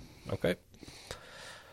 De Philadelphia Eagles ontvangen de Los Angeles Chargers. Ja, dus de eerste eh, van drie late window wedstrijden slechts. Dat is wel weinig, hè? Ja, Vijf over tien begint die Nederlandse tijd inderdaad. Chargers at Eagles. En die geef ik aan de Chargers. ik ook. Ik, eh, ik denk dat eh, Justin Herbert zijn eh, weggetje omhoog weer doet. Die doet het weer de, de, de, Ze zullen wel moeten ook. Ja, en dan, ja, dit is, dit is een, een mooie hoor.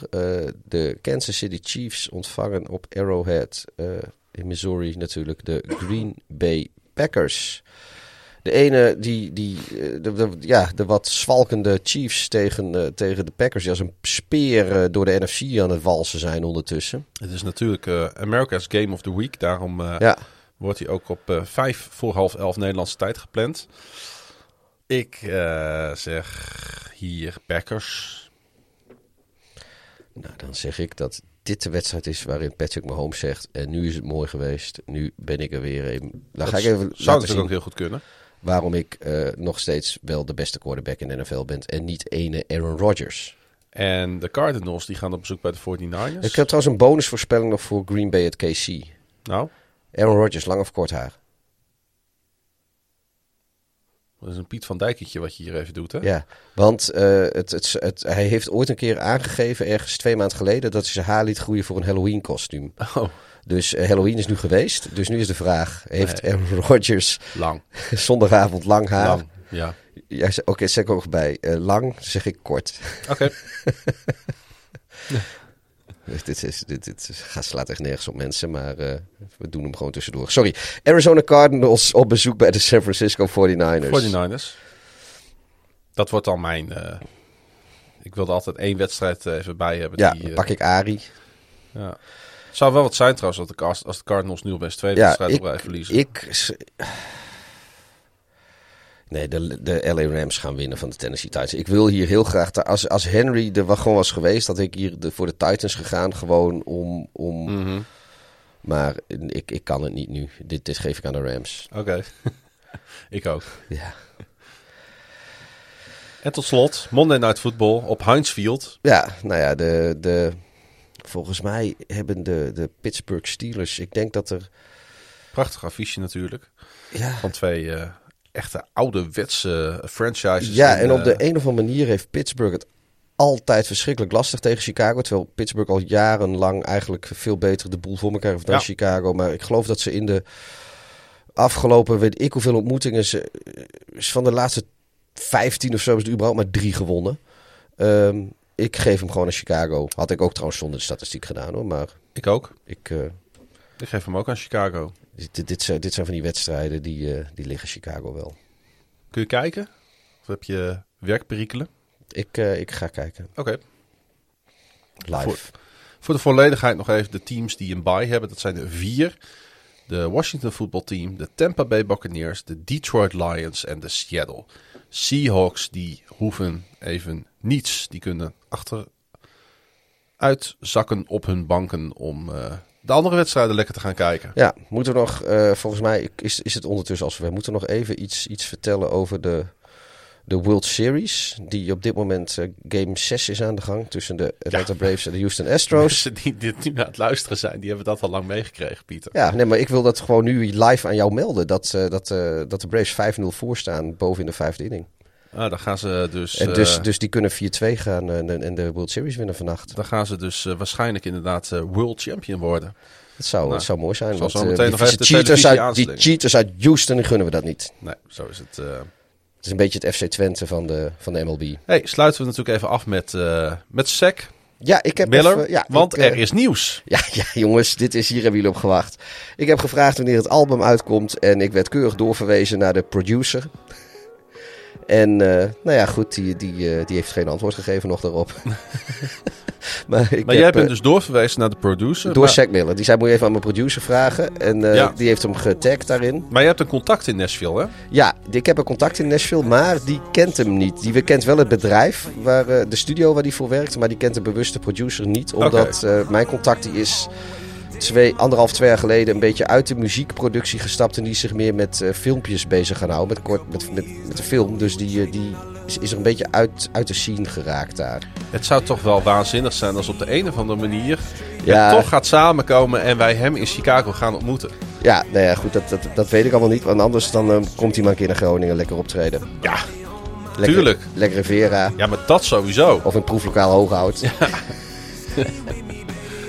Goed, eh, we gaan het zien of, eh, of we hem ooit eh, t- ja, kunnen Ja. strikken. Ja, toch? Dan wel in Chicago, dan Ja. wel eh, ergens anders natuurlijk. Hey, het, het zit erop. We hebben mooi. alle wedstrijden besproken, alle teams die gespeeld hebben besproken. We hebben, we hebben het zelfs over, en over de MLB en over de NBA gehad. Dit Ja. is echt de meest complete Amerikaanse sporten podcast van deze week. Die Ja. je zult horen. Wij waren weer eens in alle staten. Ja, Ehm, volgende week, eh, ja, ik moet het alvast aankondigen. eh, zijn we een dagje later. Het is niet anders. dat, eh, dat klopt ja. Ja, dat kost ons luisteraars, want zoveel geduld hebben jullie niet.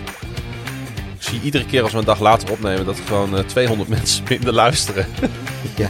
Echt waar. Ja. Het is echt geen grapje. Maar deze keer weten jullie dat... Ja, nou ja, goed, we zien het ook wel. Ja. Vind je nou het zo mooi wat wij allemaal Ja, produceren? en wil je niet dat we een dag later komen? Steun ons dan via nflopwoensdag.nl. Daar kom je op onze petje.af pagina. En dan kun je voor een klein bedrag in de maand ons eh, financieel ondersteunen. Maar je kunt er vooral mee laten blijken dat je het waardeert wat wij doen. Ja. Je kunt ons volgen op eh, de socials. ik wil nog wel even zeggen, want dat zei jij laatst ook al. Als genoeg mensen eh, een petje voor ons afnemen, dan kunnen we dit fulltime gaan doen. En dan komen we altijd vroeg in de week uit.